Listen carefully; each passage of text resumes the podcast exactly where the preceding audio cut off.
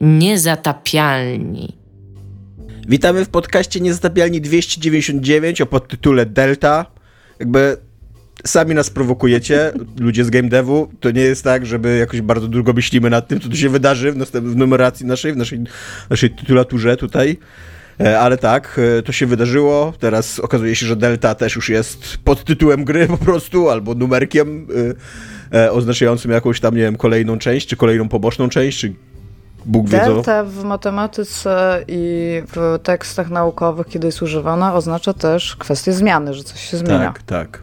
No to chyba dlatego ten MGS się tak będzie nazywał, Mhm. nie? Więc tam... Ale nadal, nadal to jest głupie, jakby, że nie, E, Nie jest to mądre. tak. To tak. E, ja nazywam się Tomek Strągowski, a odzywa się tu już Iga. Iga, odezwij się teraz ze swoim imieniem i nazwiskiem. Jo, a, przepraszam, to nie nazywam się tak, nazywam się Iga.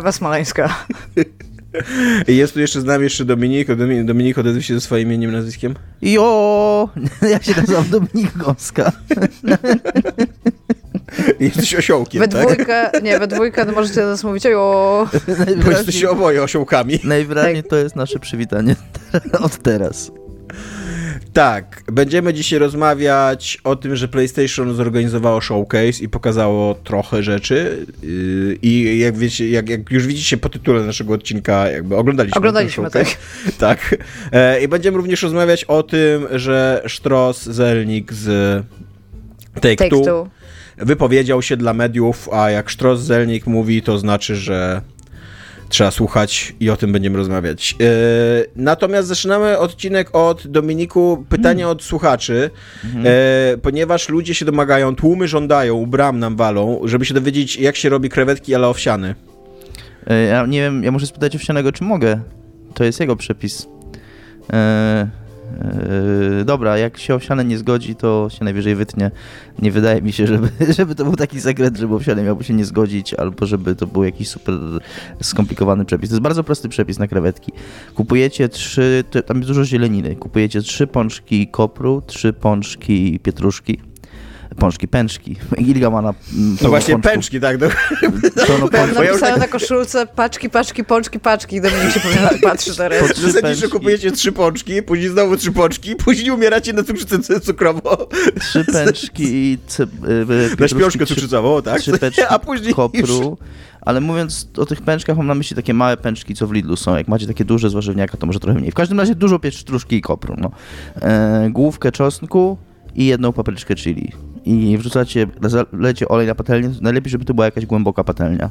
Taka z takim, no taka, zwy, taka zwykła nie, musi być głęboka, bo to musi, to cała się zielenina krewetki zmieścić. Jak nie macie głębokiej patelni, to można to zrobić w garnku.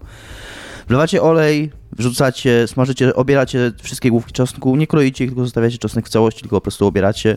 Wrzucacie ten czosnek, wrzucacie chili i podsmażacie tak, żeby czosnek się lekko zarumienił, ale nie zjarał. Potem wrzucacie tą całą zieleninę, czyli te trzy A kroi się ją wcześniej? Tak, kroi prostu- się ją, kroi Okej, się ją. Dobra, tak, nie, tak, nie tak. tak pęczkami jakby. Nie, nie Dobra. pęczkami, kroicie tą zieleninę, tak? E, I wrzucacie do tego czosnku z chili i tam trochę mieszacie, przykrywacie ją na trochę, żeby ona tak oklapła i puściła soki. I jak tak trochę oklapnie i puści soki, to wrzucacie do krewetki, obsmażacie krewetki mm, na tyle, żeby się krewetki obsmażyły i zrobiły i tyle. I to jest cały... I, to, i wtedy wy, wyjmujecie tą zieleninę i krewetki i kładziecie.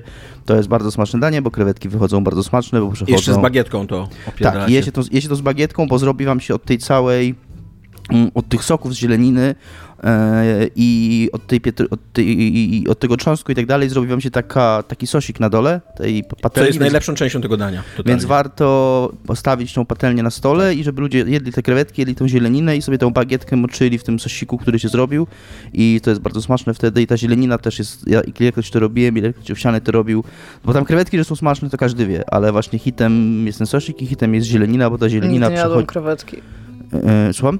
Nigdy nie jadłam krewetki. Nigdy w ale już wiem, że ani są jednej smaczne. krewetki? Ani w, w życiu nie zjadłam ani jednej krewetki. Wow. Wow. E, I ta zielenina też jest bardzo smaczna wtedy z tego. Bardzo polecam ten przepis. To jest do zrobienia w 20 minut, e, łącznie z obieraniem tych rzeczy, a jest bardzo smaczne. Okej, No, więc to- trochę więcej wam zajmie oczyszczanie krewetek, ale warto kupić. y, y, Co do krewetek, y, możecie kupić takie oczyszczone, są w Lidlu takie oczyszczone blanszowane na przykład. One są spoko, bo nie trzeba nic przy nich robić. Natomiast jeżeli kupicie takie zupełnie szare, surowe, mrożone, no nie kupicie raczej świeżych w Polsce. Jeżeli mieszkacie, mamy słuchaczy spoza krajem, jeżeli macie w ogóle dostęp do świeżych krewetek, to najlepiej wziąć świeże oczywiście, tak? Ale w Polsce nie kupicie świeżych krewetek. E, Jak kupicie takie zupełnie surowe, to jest trochę zabawy z obraniem, oczyszczeniem ich, ale takie zupełnie surowe są najlepsze, bo te, też ważne jest, żeby te krewetki trochę sok puściły. Jak one są surowe, to więcej tego soku puszczą. Jak są te, te obgotowane już, to, to trochę mniej. Ale tak czy inaczej będzie ok. I to jest przepis, o który prosiliście. E, Teraz e, moje, co jest grane, Zap- zapowiem, sam, sam siebie zapytam, co jest grane. E, A ponieważ ja jako pierwszy w swoje, co jest grane przychodzę, bo gram w nowość i zawsze ludzie, którzy grają w nowość mają pierwszeństwo na naszej antenie, więc przeszedłem grę świeżutką, która tam ze trzy tygodnie ma, od, e, minęło od premiery, która się nazywa Showgunners. E, czyli takie showrunners, tylko z G w środku jeszcze, czyli showgunners. E, z, z, z, e, długo widniała pod e, innym tytułem Homicidal All Stars. E, ale chyba, po pierwsze chyba uznano, że jest za trudny ten tytuł i co mnie nie dziwi, a po drugie, że chyba trochę za bardzo szokujący, bo homicidal to jest dosyć ostre słowo w języku angielskim. Takie budzące lęki i, i, i wzniecające alarmy, więc, więc zmieniono ten tytuł na Showgunners. E, I Artificer, czyli że e, zespół, który go robił, pochodzi z Polski. Możecie ich kojarzyć. Bo Artificer. rob... Słucham? Artificer. Artificer, a nie Fisher? Dobra, Artificer. Eee, czyli to jest zespół, który pochodzi z Polski i oni robili Hard West 1 i oni robili Phantom Doctrine. E, więc, e, więc stąd możecie kojarzyć tych ludzi. I jak możecie się domyślić już po tym, co powiedziałem, to e, jest to strategia turowa, ten Showgunner, Showgunners. E, zacznę od tego, jak to ma setting, bo to jest chyba najbardziej interesująca rzecz w tej grze i taka najbardziej rzucająca się w oczy na pierwszy rzut oka, e, bo Showgunners jest bardzo silnie inspirowane takim filmem z lat 80. The Running Man, e, który z Arnoldem Schwarzeneggerem, który opowiadał o takim show telewizyjnym, w którym ludzie musieli na, tam przed kamerami uciekać przed y, mordercami i, i pojedynkować się i tam jakoś umierać i tak dalej, co nie?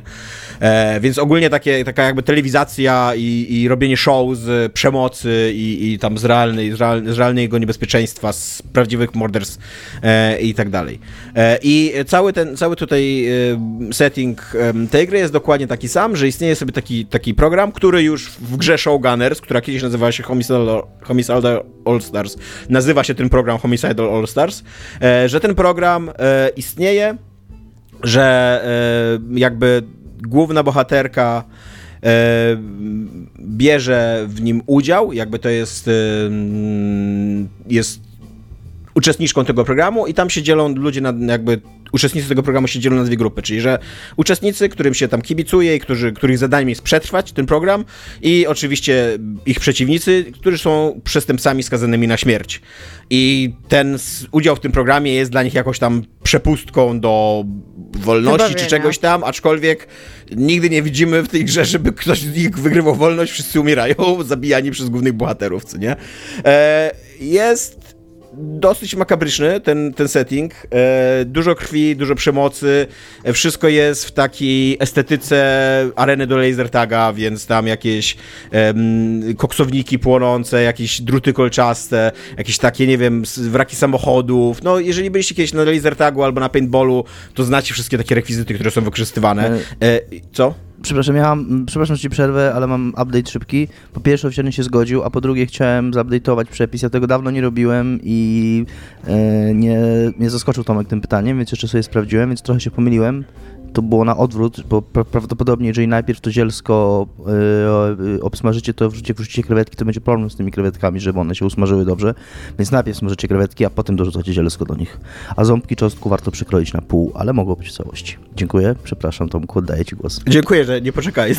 Jakby po prostu do No chciałem, ch- chciałem, bo wiesz, ktoś już, ktoś już mógł zacząć robić i miałby problem, a chciałem, żeby... Jeżeli ktoś by już to zaczął robić, to dopiero by kupował w Lidlu zieleninę i krewetki stare, nie? Przepraszam Tomku, przepraszam, oddaję ci głos. E, Dobra, więc w każdym razie tak, 95% tej gry właśnie dokładnie tak wygląda jak, jak takie areny wyjęte z laser taga albo z, z paintballa. Co jest największym wadą tej gry moim zdaniem, bo ona jest dosyć nudna graficznie. To nie są jakby, nie wiem czy się ze mną zgodzicie, ja mam bardzo silne przekonanie, że takie areny, one nie są po prostu estetycznie interesujące. To jest nudne w cholerę, takie, mm, takie tanie, no, że to, to jest jakby z założenia tanie, co nie? No bo tam jakie, jak, jakieś stroboskopy, jakaś taka upadła dyskoteka, jakieś tam kałuże kwasu, mówię, koksowniki płonące, e, wraki pojazdów i tak dalej, i tak dalej, i tak dalej, co nie? też. Słucham? Wasteland tak też trochę wyglądał. Tak, tylko że tutaj e, ta gra nigdy nie wychodzi na zewnątrz, jakby tak na, na, na otwartą przestrzeń, nie? To zawsze jest rozgrywane na takich arenach, które są, no ciężko powiedzieć, jak te areny są, jakby, czy one są pod jakąś kopułą, czy czymś, co nie, ale w każdym razie są e, są w jakiś sposób ograniczone e, ze wszystkich stron i, i, i, i, i tak, tak, tak to wygląda, nie? E, I jest to, tak jak mówię, strategia turowa e, z takim trochę twistem gameplayowym, że poza tym, że po prostu musisz sobie we warkach turowych strzelać i zabijać ludzików i e, wygrywać pojedynki, to pomiędzy tymi walkami turowymi e, bierzesz udział w tym reality show, w tym programie po prostu, który nagrywacie. I to się rozgrywa tak, że tam biegasz po takiej, biegasz po takiej arenie i tam rozdajesz mm, autografy, mm, że nagrywasz takie jakby setki, co nie o swoich po, poprzednich występach, że na, y, audiologii Setki? jakieś tam nagrywasz dla, dla, dla fanów i tak dalej, co nie, że znaczy? Co No. to znaczy setki nagrywasz? setka to jest taka krótka wypowiedź do kamery. A, Tak, tak jest w slangu ludzi, którzy robią takie rzeczy. mm, Tak to się nazywa. Te wszystkie, wszystkie takie gadające twarze w wiadomościach i tak dalej, co nie, to coś tak wskakuje i tylko przez chwilę jest, to jest setka, co nie? okej. E, nazywane. E, że tam e, To zbierasz też takie jest punkty. jednostka wódki. No właśnie. Można się Ter, to też, też jest seteczki. jednostka wódki, tak. Ostatnio mieliśmy na, na ten temat dyskusję, że e, setka jest jednostką wódki, ale jednocześnie bardzo trudno wypić Jakby to, jest, to jest dużo wódki. E, no ale mniejsza z tym. E, I zbierasz sobie punkciki sławy i dzięki tym punkcikom sławy, sławy kupujesz, znaczy zabezpieczasz sobie jakby kolejne kontrakty reklamowe, które tam ci dają jakieś bonusy w walkach, pasywne, aktywne, whatever, co nie? Wszystko to jest dosyć powierzchowne, bo tak naprawdę to są po prostu punkty, które tam zdobywasz cały czas za to, że zabijasz ludzików w jakiś tam efektowny sposób i tak dalej. Nie trzeba być jakiś szczególnie pomysłowym, żeby ten efektowny sposób był efektowny. To się po prostu dzieje raczej, po prostu gra jest tak zaprojektowana, że te rzeczy się dzieją na, w tych walk.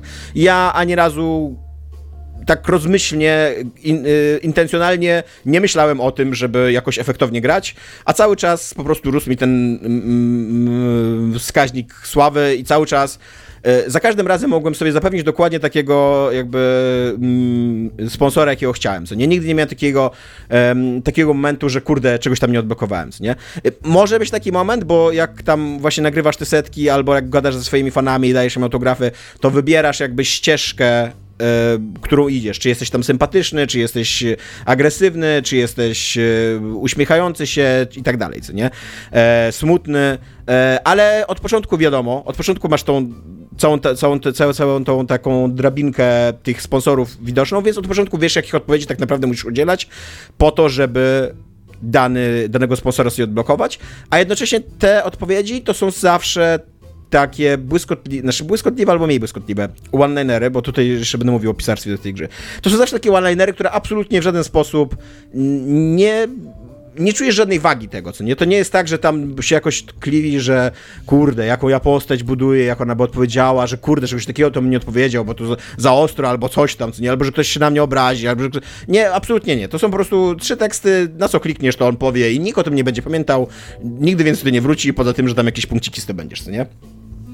E, tak samo jest z pieniędzmi. Zarabiasz jakieś pieniądze na tych walkach? Absolutnie nie ma to znaczenia, moim zdaniem, co robisz w tych walkach i, i te pieniądze, które zarabiasz, bo jedyne, co możesz za nie kupować, to są ym, gadżety, takie w stylu granaty, apteczki i tak dalej, i broń.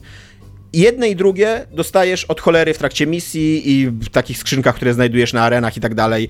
I bardzo często to jest lepsze w ogóle wyposażenie niż to, które tam masz w sklepie, nie? Więc ja bardzo często w ogóle zapominałem, że jest ten sklep. Jak wchodziłem do tego sklepu, nagle się okazywało, że mam w cholerę za dużo kasy, co nie do wydania, że tam nie, nie podejrzewam, że w takiej grze powinno być mniej więcej tak, że czujesz jakiś tam ciężar wydawania tych pieniędzy i, i kupujesz jeden karabin i, i to jest jakaś poważna decyzja, a tak miałem po prostu, zawsze skupowałem to, co chciałem, bo, bo, bo miałem za dużo kasy, e, a też często miałem tak, że patrzyłem na te bronie i myślałem, pff, słabe są, jakby nic nie chcę, lepsze sobie znalazłem e, na tym, co nie? Więc tak jeszcze, jeszcze, dobra, jeszcze skoro jestem przy, tej, przy tym jakby tym całym reality show, tej, tej warstwie, to jeszcze powiem, że jest ona bardzo dobrze napisana, jeżeli chodzi o komentarz, bo tam jest taki klasyczny komentator w stylu WWE. Taki koleś, który ma super głos telewizyjny, tak bardzo modeluje go charakterystycznie, tak dokładnie jak, jak e, e, mm, komentatorzy w UFC i WWE jakby tak, taką budują całą taką narrację emocjonalną, co nie? Są czasem złośliwi, czasem coś tam dodają od siebie i tak dalej, i tak dalej. I rewelacyjny jest ten, absolutnie rewelacyjny. To jest przy okazji, wydaje mi się, w miarę skomplikowany temat, taki narracyjnie, że on tam składa te swoje wypowiedzi z kilku zdań, bo dobiera po prostu, jakby system sprawdza, co się dzieje teraz na planszy, co nie, że aha, ta postać zrobiła to i wynik był taki, co nie, i ona dobiera jakby, dobiera jakby zdania, dzięki temu to brzmi tak dosyć organicznie, nie ma wrażeń takiej powtórkowości, gra daje ci możliwość wyłączenia tego, nigdy mi to głowy nie, do, nie, nie przyszło, żeby to wyłączyć, bo nigdy mnie nie męczył ten komentator, co nie, natomiast wszystko poza tym komentatorem jest super płaskie, jest takie po prostu totalnie randomowo, przeciętne, że tam, no tam się po prostu dzieją rzeczy, co nie jest, y, są sobie bohaterowie, którzy mówią jakieś rzeczy, które średnio, średnio kogokolwiek obchodzą. Właśnie są takie one-linery, które po prostu są i jedyną ich funkcją jest to, żeby tam ci dawały jakieś bonusiki i tak dalej, co nie?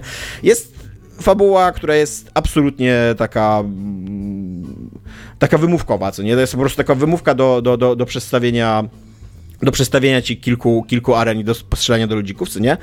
Eee, co ciekawe, co, co w ogóle to, trochę, trochę, trochę przykre dla mnie, że ta fabuła, pomimo, że jest strasznie wymówkowa i taka, no, wydaje mi się, że dosyć celowo a może jeżeli nie celowo, no to, no to, to, to przykro mi, ale że ona jest celowo tak na trzecim, czwartym planie wręcz, nie, że jakby nie, nie zwraca na siebie uwagę, uwagi, nie, nie, nie, nie walczą o, o emocje i uwagę gracza, co nie?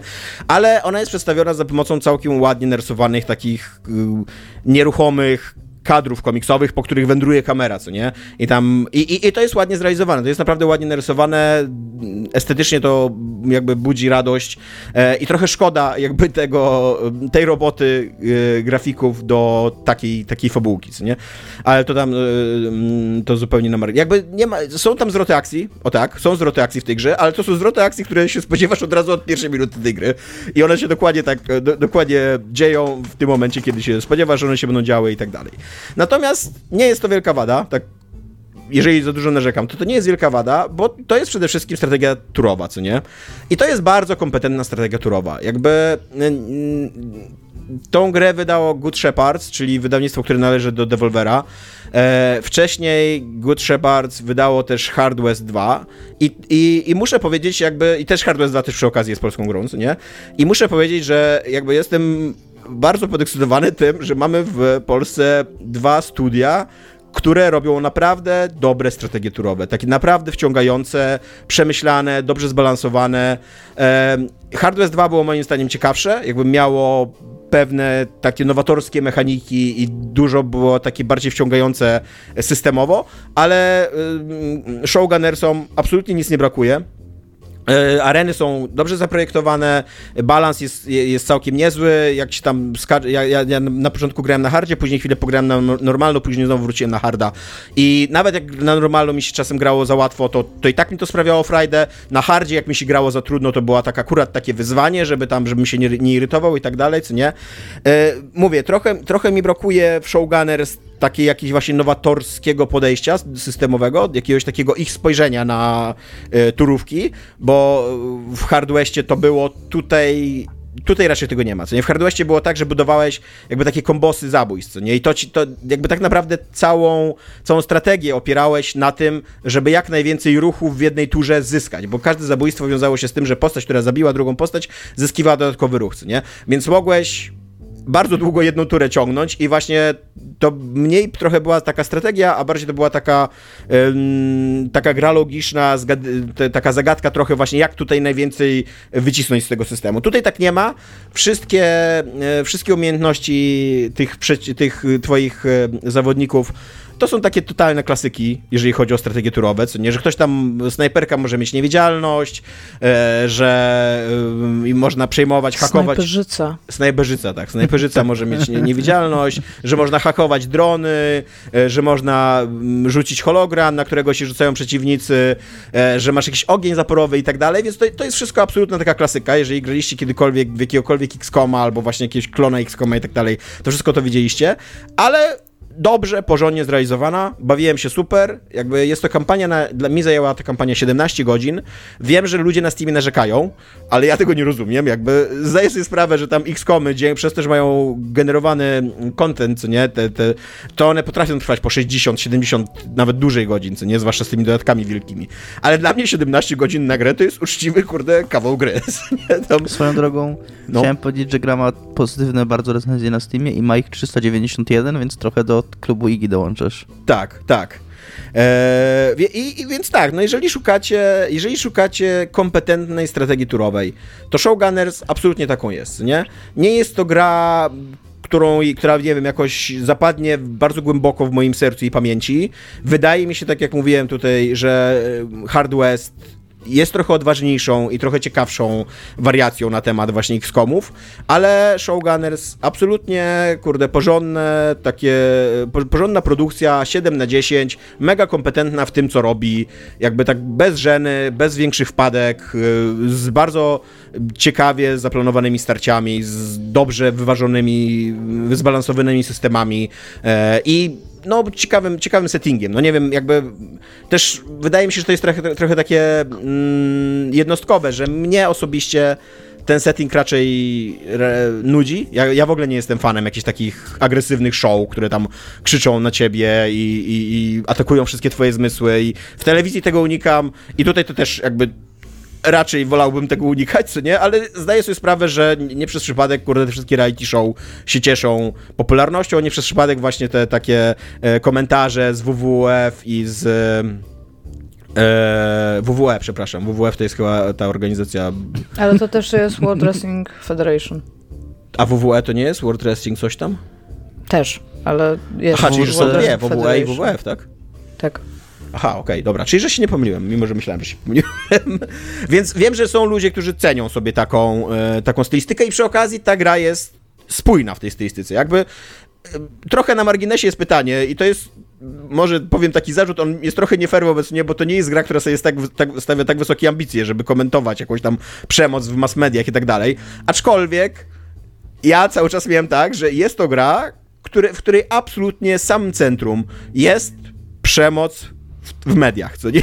Jest właśnie... Czekaj, tworzy- muszę zrobić teraz... y, Ratę. Bo WWE to jest World Wrestling Entertainment Aha. i World Wrestling Federation, które podlegało pod to, też było jakby tego częścią i też WWE kiedyś było WWF w pewnym momencie, więc to są chyba zarówno dwie jednostki, jak i jedna jednostka, jeżeli chodzi o podmiotowość. Ale Więc... to na, nadal mogę mówić jedno i drugie, Tak, bo jak tego podaję przykład jakby takich, tak.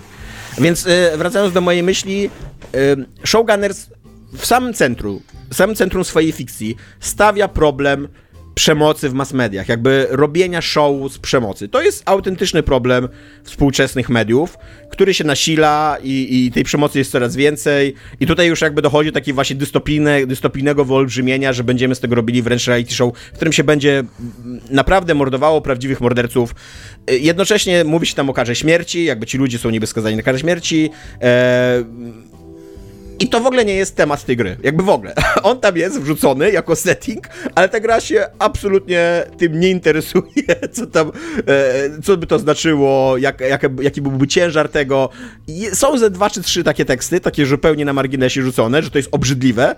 W które bardzo trudno uwierzyć, bo jednocześnie bardzo dobrze się bawisz i wszyscy bardzo dobrze się bawią jakby w tym show i, i oglądając to i mordując ludzi. I ten, e, ten komentator mówi, że o, ale finisher, rewelacja, coś tam, super, że mu rozwaliłeś bańkę, nie, że tam, że głową pękła jak arbuz, rewelacja, tam ludzie krzyczą, co nie, proszę cię o autografy, co nie, więc e, e, mówię, nie wiem, czy to jest gra, która miała ambicje, żeby coś na ten temat powiedzieć, ten temat tam jest, i ona go w ogóle nie rusza. To mnie, mnie to trochę um, drażniło, yy, ale absolutnie nie odbierało mi zabawy yy, z gry. Gra nazywa się, jeszcze raz powiem, Showgunners i polecam. Tymczasem Dominiku, bardzo mądry człowiek z Take-Two, bardzo wpływowy tak. i bogaty człowiek z Take-Two, udzielił się medialnie. I co to za historia jest? Opowiedz nam. Tak, tym człowiekiem jest Strauss Zelnik, który wraz z ostatnim ogłoszeniem wyników e, za wynik za rok fiskalny kończący się 31 marca e, przeprowadził również sesję pytań i odpowiedzi z inwestorami, którzy to zadali mu różne pytania, na które to on pytania miał okazję odpowiedzieć i odpowiedział. I jednym z, jedno z tych pytań dotyczyło oczywiście sztucznej inteligencji, bo jest to teraz hot shit i wszyscy... Gorące gówno. Tak gorące gówno, tak. E, I każda firma musi szukać jakichś sposobów na wykorzystanie tego i tak dalej, i tak dalej. I zostało mu zadane pytanie, jak widzi mm, wpływ i czy wpływ wykorzystania sztucznej inteligencji na tworzenie gier i czy w ogóle jest możliwe, żeby żeby sztuczna inteligencja mm, przejęła funkcję, żeby w ogóle gry były tworzone przez sztuczną inteligencję. W ten... A to jest troszeczkę, właściwie, ja mam do was pytanie natury e, ogólnej. Czy ja mogę być inwestorem w jakiejkolwiek firmie i przyjść i zadawać jakiekolwiek pytanie mi się tam podoba na tych Myślę, że, myślę, że znaczy nie mam pojęcia, szczerze mówiąc, ale wydaje mi się, że na te spotkania dla inwestorów to jest spółka publiczna, więc teoretycznie wydaje mi się, że każdy może w nich przynajmniej je oglądać. No dobra, ale słuchaj, bo, ale nie czy każdy może zadać pytanie. Tak, czy... możesz być potencjalnym dobra, ale... inwestorem, tak? Więc na pewno możesz to oglądać w tej czy innej formie, ale czy przypuszczam, no że dobra, jest tam kupuję jakiś... jedną akcję tej tu, tej tu, nie? Więc jestem inwestorem. Idę sobie, ja, czy ja mogę mu zadać cokolwiek? Tam mogę mu zadać, nie wiem, pytanie o to, co powinnam jutro zjeść? Albo co, Przypuszczam... czy on musi mi odpowiedzieć na to? Gdybym miał zgadywać, ponieważ nie mam pojęcia. Okay, to, okay, to jest no. najczystsza odpowiedź, jaką mogę ci dać. Nie mam pojęcia. Natomiast gdybym miał zgadywać, to przypuszczałbym, że różne firmy różnie do tego podchodzą. Jak okay. to jest Take-Two, to przypuszczam, że raczej by nie było tak łatwo. Kurde, dobra. To jest, moje, to jest mój strzał, nie? Ale wiesz, tak naprawdę, nie wiem, spróbuj, realizuj się. bardzo żeby Zelig znaczy, myśl na śniadania, to jest Byłoby ważne. to właśnie bardzo dziwne, jakby oni mieli obowiązek odpowiedzieć na każde twoje pytanie, bo wydaje mi się, że te rozmowy z inwestorami, nasze znaczy inwestorskie takie spotkania mają jakiś ograniczony czas, co nie? To nie, mm. to nie jest chyba tak, że tam możesz za, po prostu przyjść z taką listą 3000 pytań, co nie? Tak.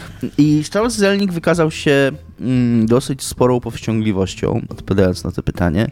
Stwierdził, że nie, że raczej stara się nie mm, wjeżdżać na taką pozycję, nie stawać takiej pozycji hiperbolizowania wpływu tego rodzaju nowinek technologicznych i że nagle wszystko się zmieni, wszystko będzie zupełnie inne. E, natomiast e, stwierdził, że jeżeli chodzi o sztuczną inteligencję, to jest i tak jak na siebie nastawiony dosyć entuzjastycznie, entuzjastycznie i widzi jej zastosowanie w tworzeniu gier. Yy, natomiast nie zgodził się, żeby gry jako takie w całości mogły być tworzone sztuczno, przez sztuczną inteligencję. Yy, pokusił się tam jeszcze o takie mm, teksty w rodzaju, że sztuczna inteligencja i, maszyn, i uczenie maszynowe to są oksymorony. Yy, co nie wiem, czy do końca ma sens, ale rozumiem o co mu chodzi. E, że, no, że generalnie sens jego wypowiedzi był taki, że nie da się zastąpić ludzkiego geniuszu i ludzkiej takiej iskry kreatywnej w procesie tworzenia gier, że w tworzeniu gier potrzebny jest geniusz. A to, co my teraz mamy, jakkolwiek by nam się to na pewno mądre wydawało w stosunku do narzędzi, których używaliśmy wcześniej, to wciąż jest to po prostu jakaś tam odtwórcza synteza tak naprawdę tego, co już powstało i w związku z tym nie ma w tym tej iskry geniuszu, która, która jest potrzebna, żeby stworzyć genialną grę. Czy Take-Two jest studiem, które tworzy gry tworzone, genialne gry tworzone przez geniuszy? To jest kwestia odrębna. e, nad którą. Ale może, może to jest taki mitologiczny wątek, bo geniusz w religii rzymskiej to jest półboska, śmiertelna istota, która obdarza mężczyznę płodnością, kieruje go losem, przynosi szczęście, a rodzi się wraz z nim. Żeńskim odpowiednikiem geniusza jest Junona. Więc może to, może to jest jakby... Może tak. Yy, I mówię, nad tym problemem zapewne się jeszcze pochylimy, komentując tę wypowiedź. Yy, Strauss Zelnick stwierdził też, że jego firma wykorzystuje jakby od dawna tego typu narzędzia i że jest nawet wręcz na froncie mm, tego typu działań mających na celu jakby wykorzystanie szersze tego typu rozwiązań. Oczywiście każdy tak powie, bo musi tak powiedzieć, bo inwestorzy muszą takie rzeczy usłyszeć, żeby być szczęśliwi. Eee, więc tak, to jest pierwsza rzecz. Druga rzecz, którą Strauss Zelnick podczas tego tej sesji pytań i odpowiedzi powiedział, dotyczy cen gier, ponieważ Take-Two zaliczyło bardzo dobry yy, rok, przyniosło 5 miliardów dolarów przychodów albo zysków, nie pamiętam, ale zaraz sprawdzę. E, zagadajcie ich czymś. E, net bookings, więc chyba to jest zysk netto. 5,3 miliarda. E, więc jest to bardzo dobry wynik na pewno. Na ten wynik przy, wpłynęło również podniesienie, w tym czy innym stopniu podniesienie cen gier do 70 dolarów, również gier na Switcha. I Stauselnik stwierdził, że nie ma powodu, żeby uważać, żeby, że była to zła decyzja. E, że nie było żadnego. Gracze nie zareagowali. Gracze nie zareagowali, nie zobaczyli, oni nie zobaczyli żadnego negatywnego wpływu na sprzedaż tych gier, a zobaczyli pozytywny wpływ na przychody, na swój portfel, tak. Na swój portfel i w związku z tym gracze to po prostu łyknęli e, bez popity i w związku z tym będziemy mieli gry w takiej cenie. No. Eee, tak.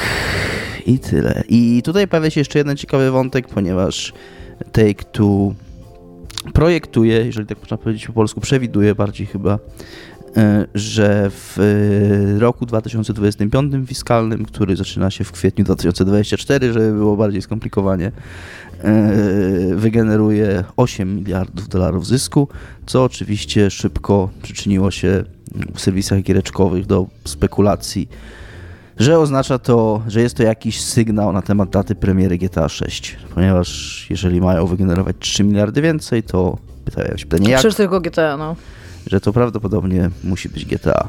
Więc jest to jakaś taka pierwsza bardzo taka ogólna, niejasna, ale no pierwsza oficjalna informacja, która pozwala jakoś tam pomniemywać datę premiery szóstej części serii Grand Theft Auto. E, więc tak.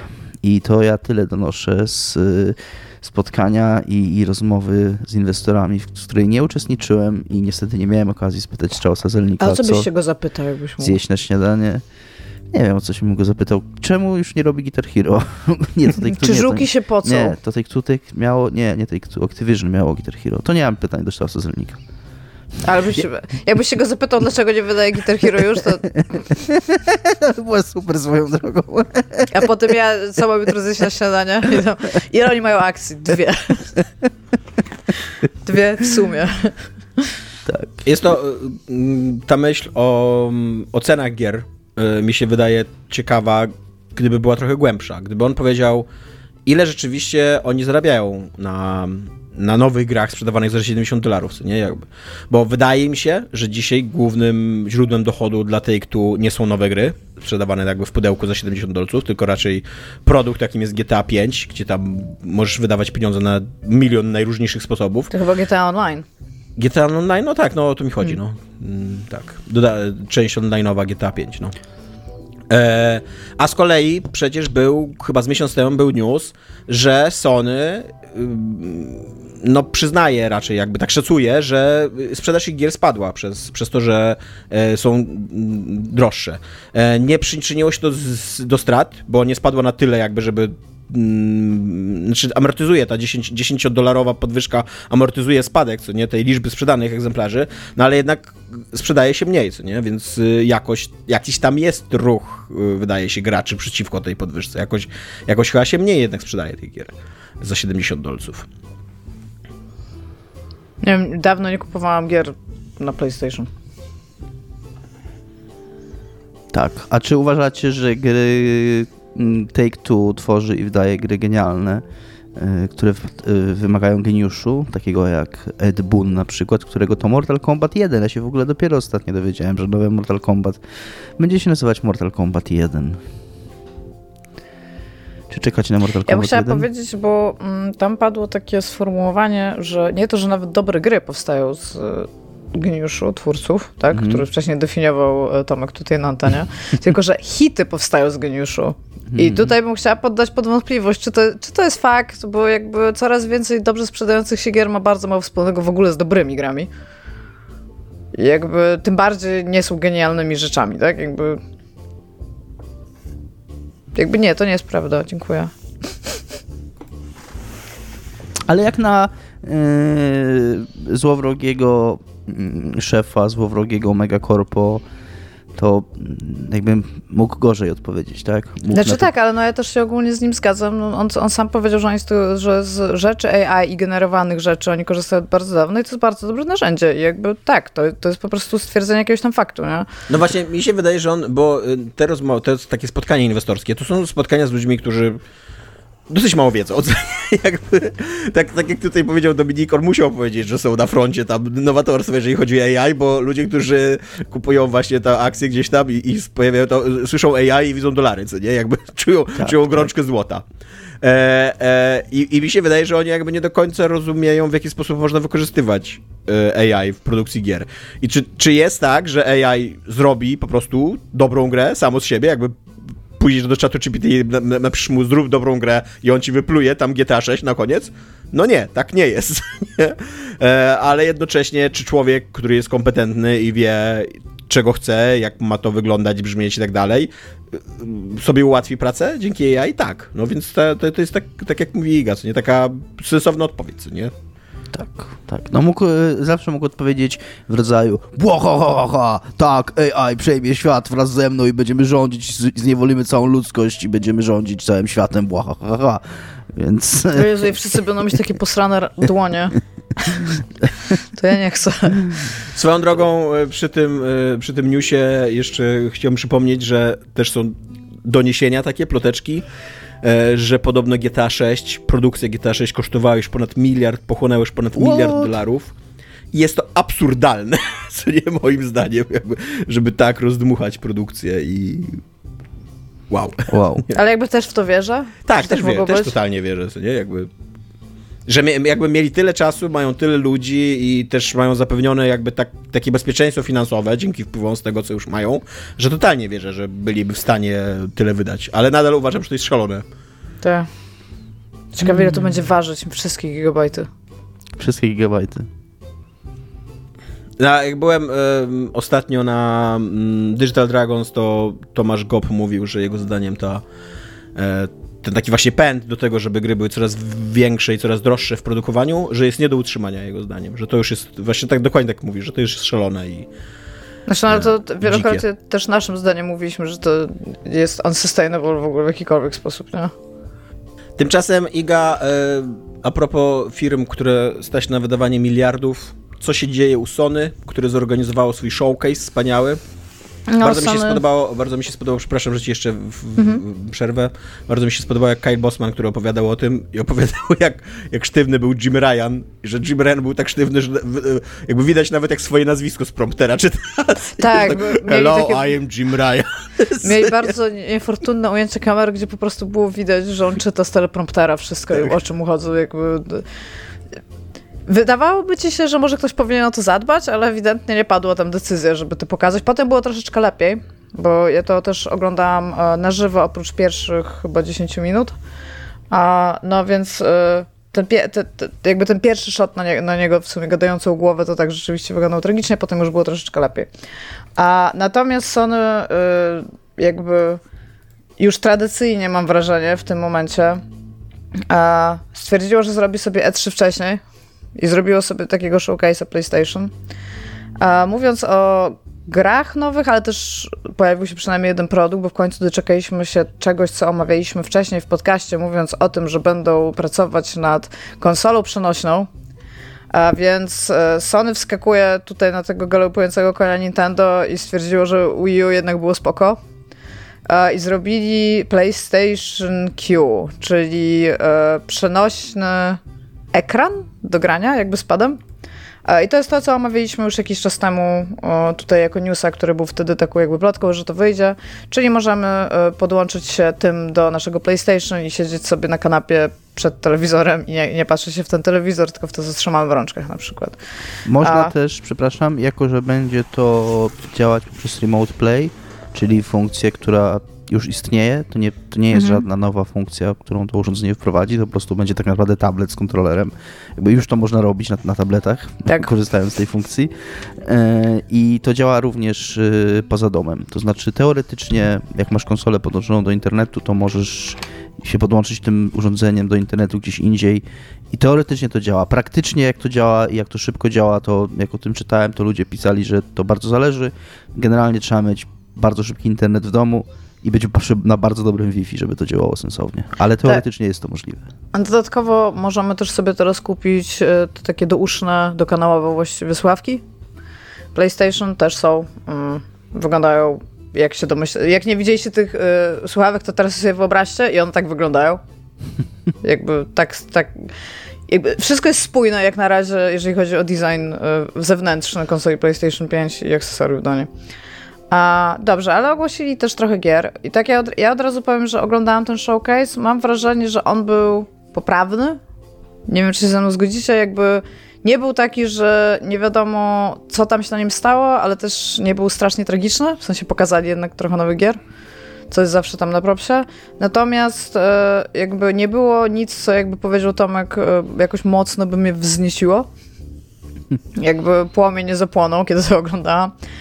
A z takich e, ciekawszych rzeczy, w sensie no jakby najbardziej poka pokaza pokazalną grą, w sensie taką, którą realnie pokazali, to była sam, samiutka końcówka, gdzie pokazali drugiego Spidermana, tak? Bo tam dostaliśmy całego questa, którego przychodzili. Być może pokazali nawet trochę za dużo, nie wiem, czy się ze mną zgodzicie, ale to już po prostu po pewnym czasie zaczęło być nudne. Aczkolwiek tak, będzie nowy Spider-Man, e, będzie to więcej Spider-Mana. Jeżeli lubicie Spider-Mana, to domniemam, że będziecie chcieli grać w Marvel Spider-Man 2, który moim zdaniem, moim zdaniem, bo też totalnie się znudziłem na tym, moim zdaniem to jest taka różnica właśnie, która pokazuje, jak różnym jest medium wideo, które się ogląda biernie i gra. Bo jakbym mm grał to 15-minutową taką sekwencję, to pewnie bym się dobrze bawił, co nie? To jest norma.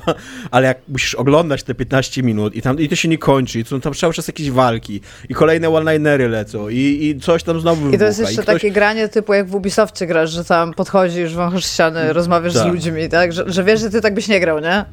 ty byś grał 300 razy bardziej chaotycznie i byłoby spoko. No dokładnie, to też, te, też raczej byłem y, zmęczony, aczkolwiek muszę powiedzieć, że tak spoko. Ja grałem w tego pierwszego Spidermana, bawiłem się ok, więc ten nawet wygląda tak, że może w niego zagrał. Nie? Poza tym, że pewnie jak wyjdzie, to się okaże, że jest na 138 godzin i, i jednak stwierdzi, że tak może być. w życiu. E, tak może być ogólnie, tak jak najbardziej. E, ja nie, e, ogląd...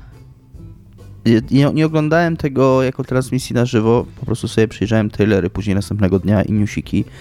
I też to, co zwróciło moją uwagę, jak, jak, czytałem komentarze na temat tego, to że trochę Sony teraz, yy, nie wiem, ludzie się skumali, że tak naprawdę na te konsole nie ma gier po prostu, niezależnie czy są one, nazywają się PlayStation czy Xbox.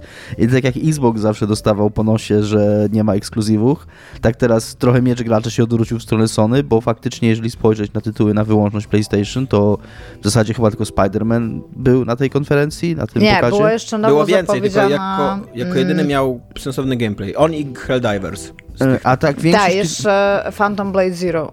No ale w każdym razie, że tak czy inaczej, że bardzo mało było konkretnych materiałów z gier na wyłączność PlayStation, a większość dużych ogłoszeń, takich jak Assassin's Creed Mirage, e, jak e, Metal Gear Solid Delta, któremu zawdzięczamy tytuł odcinka, e, są zapowiedziami multiplatformowymi. Dragon's Dogma 2 jeszcze i ukażą się również na Xboxy i PC, co Microsoft skomentował tak, mm. Microsoft powiedział tylko, ej, te gry, które pokazały Sony, to one będą też u nas. Zrobili taką uważam, graficzkę na, Twittera, graficzkę na Twittera z tymi grami i coming, coming to Xbox 2 czy coś takiego. Yy, więc tam heheszki heheszkami, zobaczymy co Microsoft pokaże, bo Microsoft ma za dwa tygodnie swój wielki showcase. Swoje E3. Swoje E3 Więc y, sobie trochę poprzeczkę, znaczy poprzeczkę, sobie trochę może bicza na siebie ukręcili, bo w takim razie zapewne muszą mieć bardzo mocny line-up zapowiedzi na wyłączność, tak, na ten swój showcase. E, chyba, że będą po prostu przez pół godziny pokazywać Starfielda, co też jest y, Pokażą możliwe. to samo co PlayStation, na- nawet te ich trailery z, z, ich dźwiękami, tylko po prostu to- na samym końcu będzie e, on, an Xbox 2. Y, y, to wszystko to samo, tylko że w miejsce tego Spidermana dadzą Starfielda i No. Ja, przy, ja przy okazji tutaj chciał tylko sprostować Igę, co mi się zdarza bardzo rzadko, więc z tym większą radością to czynię, bo Iga zazwyczaj mówi mądre rzeczy i jest nieomylna, że e, Phantom Blade Zero nie jest ekskluzywem na Sony. Nie jest ogłoszony na żadną inną platformę jeszcze, ale nie mają podpisanej umowy ja dzisiaj, ja dzisiaj właśnie czytałam, że mają. Tak? Więc tak, sprawdziłam to specjalnie. O, to ja teraz siedzę na newsie jakimś i tutaj piszą, że nie mają. Nie? To zobaczymy. Nie, bo specjalnie, bo specjalnie sprawdzałam, realnie bardzo się zainteresowałam i sprawdziłam każdą z tych gier, czy wychodzi na inną platformę i to akurat miałam rozpisane jako ekskluzyw, ale mam nadzieję, że nie, bo to jest realnie coś, co mnie zainteresowało i chciałam zobaczyć więcej tego, bo Phantom Blade Zero to jest nowa IP. Nie, no O- siedzę teraz na, co to jest What If Gaming? No nie wydaje się jakimś, kurde, mega głupim programem, z, z serwisem. Wydaje się normalnym takim serwisem gierszkowym, no. I piszą, że tak, że nie, ma, że nie robią na żadną inną platformę na razie, ale że nie mają podpisanej exclusivity z żadną platformą. to w takim razie, bo to ja się cieszę jakby. Może tak? po prostu jakby... robią na PS5, bo im się to na, na początku najbardziej podoba, po- opłaca, co nie, jako platforma, a później zobaczą, co Tak, bo ja właśnie nie? sprawdzałam, czy to na przykład jest czasowy ekskluzyw, ale na ten temat też nic nie ma, nie? Mhm. Więc jakby przeczytałam po prostu w dwóch miejscach, że to jest ekskluzyw na Sony i byłam jak okej, no nie będę się kłócić. Anyway, e, to Phantom Blade Zero, nie wiem czy się zgodzicie, wygląda dosyć ciekawie, bo wygląda trochę nie wiem jak to ładnie powiedzieć, jak filmy akcji azjatyckie y, z punktu widzenia trochę amerykańskiego kina, nie wiem. W sensie jest bardzo dużo takich tam trików formalnych, jak oni się biją mieczami albo coś takiego, którym się właśnie kojarzy z takim zabiegiem. I to mnie troszeczkę zainteresowało, plus to jest RPG. A Plus jest open nowe... worldem, który kochasz. Słucham? Plus jest open worldem, który kochasz. Trochę mniej kocham Open Worlda, ale zainteresowała mnie walka. Sama w sobie walka wygląda po prostu moim zdaniem dosyć ciekawie i zapamiętałam to. Szczególnie, że tak jak mówiłam, jakby większość tego e, showcase'a nie było takie, że usiadłam i byłam like wow. Oczywiście zwróciłam uwagę e, na Metal Gear Solid, tak, no bo trudno było nie zwrócić uwagi, aczkolwiek ten, za ten teaser to ktoś powinien pójść do więzienia po prostu. To prawda. To jest, to jest jeden z najgorszych teaserów, jakie Totalnie widziałam. tak, tak. I tam potem maksa. patrzysz Totalnie i tam Snake i siedzisz jak wow, gdyby to wcześniej nie było takie gówniane, to może bym się teraz zdziwiła, a teraz jestem po prostu zawiedziona dwukrotnie, A, nie? autentycznie jest mi szkoda czasu tych ludzi, którzy na to poświęcili, bo tam jesteś dobrzy animatorzy, musieli siedzieć, żeby zanimować półtorej minuty niczego. tam absolutnie nic się nie dzieje, nic nie pokazuje ten trailer. Też Poza on jest tym, na bardzo zły na jest to, że Snake. papuga zjadła zdechłą żabę, nie? Tak, jakby ja też tak. byłam trochę zła, bo papugi nie mają takiego zwyczaju, więc jakby rozumiem Snake'a tutaj, nie? Ale jakby...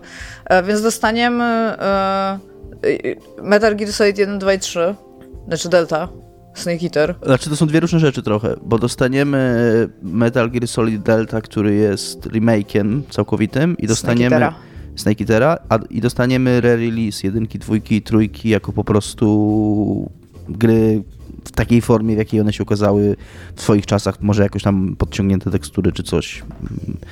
I- to będzie w tym e, roku jeszcze. Re-release, żeby jeszcze bardziej skomplikować życie wszystkim, to ten re-release jedynki, dwójki i trójki będzie miał również Metal Gear 1 i 2, czyli że te takie w ogóle zupełnie, zupełnie pierwsze sprzed Metal Gear Solid jeszcze gry, co nie? Więc tam de facto będzie 5 gier. A Metal Gear Solid Delta, to co mnie... y, Bo ja się cieszę, że ta gra wyjdzie, super, jakby jestem gotów zagrać w trójkę raz jeszcze. Uważam, że to jest, że, że to jest gra, która Jak zasługuje grałeś tam pierwszy raz, to ile zjadłeś węży? na... Nie wiem, ile zjadłem węży. Trochę zjadłem, no tam się je 12? węży. Nie, myślę, że mniej. A myślisz, że pobijesz swój rekord? Myślę, że Że nie tak. węży. Jak bardzo wchodziłeś pod drabienie słuchając Natomiast piosenki? Normalnie wchodziłem na drabinie. Ty mi tyle razy opowiadałeś tą scenę, że ona w ogóle już nie była dla mnie żadnym, żadną emocją. Bo oczywiście wszyscy teraz piszą o tej scenie znowu, jak, jak, Tak. jak y, jest mowa o tej grze.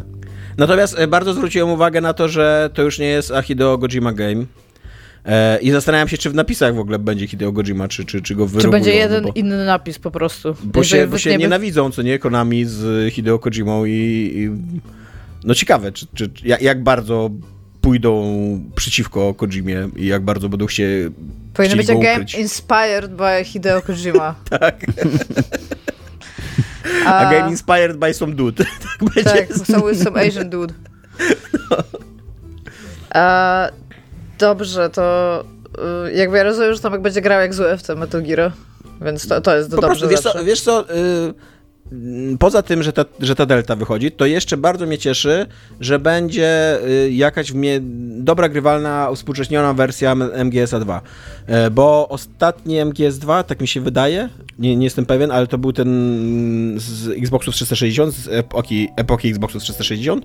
Ona była ok, ale to już jest jednak stara wersja, która tam mm, graficznie tak sobie wyglądała i tak dalej, więc miło, że to odświeżą, a przy okazji MGS2 to jest mój ulubiony MGS i chyba wszystkich całego świata ulubiony MGS. Mój też? Bo ma na, na, najbardziej popierdzielony jest nie ze wszystkich MGS-ów. Czyli mój też, okej. E, Dobrze, e, t- teraz wracamy do świata Iggy i PlayStation Showcase dalej. E, Cieszę się na Helldivers 2, bo Helldivers 1 było wybitnie dobrą grą, więc zawsze bardzo, bardzo fajnie zobaczyć, że druga część takiej gry ma powstać. Ona jest reklamowana takim trochę CGI filmikami, e, ale no domniemam, że zmienili trochę koncepcję i teraz kamera będzie po prostu bardziej z trzeciej osoby niż w rzucie izometrycznym, co tam też jest ciekawe. A poza tym, y, co na pewno wybitnie ucieszyło Mateusza Skutnika, zapowiedzieli drugą część, tutaj jesteśmy przy drugich częściach, e, Talos Principle.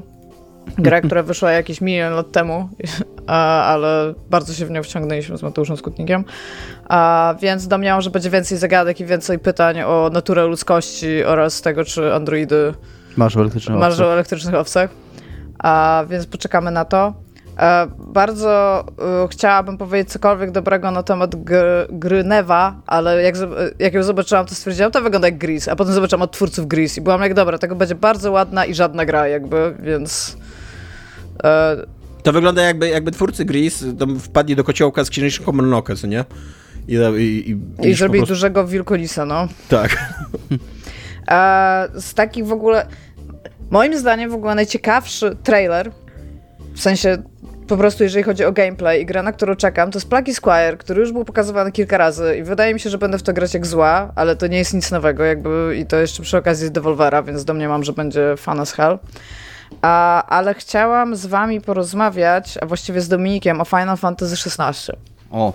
O, ja trochę czekam na... jak fe- pełne były kalesraki, Dominik? No właśnie są średnio pełne kalesraki. Kurde. Mam takie umiarkowanie w kalesraki obsrane tak naprawdę, bo ja jestem trochę rozczarowany tym, jak ta gra wygląda. Znaczy ja trochę rozumiem, dlaczego ona taka jest, bo yy, Adam Piechota mi to uzasadniał mm, dosyć dziwnie yy, tym, że Square Enix ma dużą grę turową w postaci Octopath Travelera, więc nie chcą mieć duże, drugiego dużego turowego RPGa.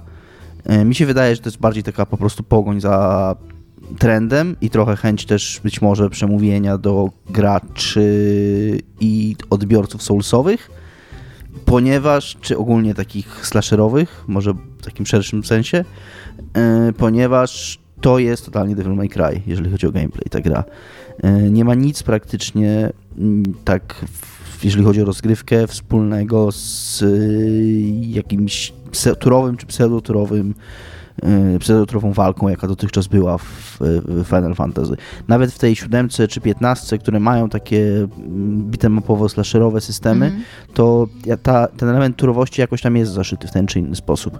E, Tutaj trochę to wygląda już jakby po prostu był to masher zwykły, button masher. E, Z jakimiś When I say button, you say mashing Mash, button. button, mash. Button, tak. E, Boże. Więc, Może teraz sobie pomyślcie, jak stara jest to odwołanie jakby. Ile to ma lat? Cicho, cicho Tomek. Jakby kontynuuj. 98% naszych słuchaczy nie rozumie, co wy zrobiliście właśnie. Ale my się cieszymy z Dominikiem, a nasze szczęście też jest Tak. ważne. to prawda. Więc y, to mi się nie podoba. Nie podoba mi się to, że mm, masa z tych. mm, oni w ogóle mówią, że ta gra to ma być taki ciągły roller coaster. Yy, I jak pokazują te, te sekwencje walki z jakimiś tam. To znowu jest takie kurna. Taka, taka Square Enixowa modła z czasów Final Fantasy VII i Final Fantasy VIII, gdzie oni się tak zachwycili mm, grafiką 3D, że porobili tylko na długaśne animacje samonów, których się nie dało przewijać.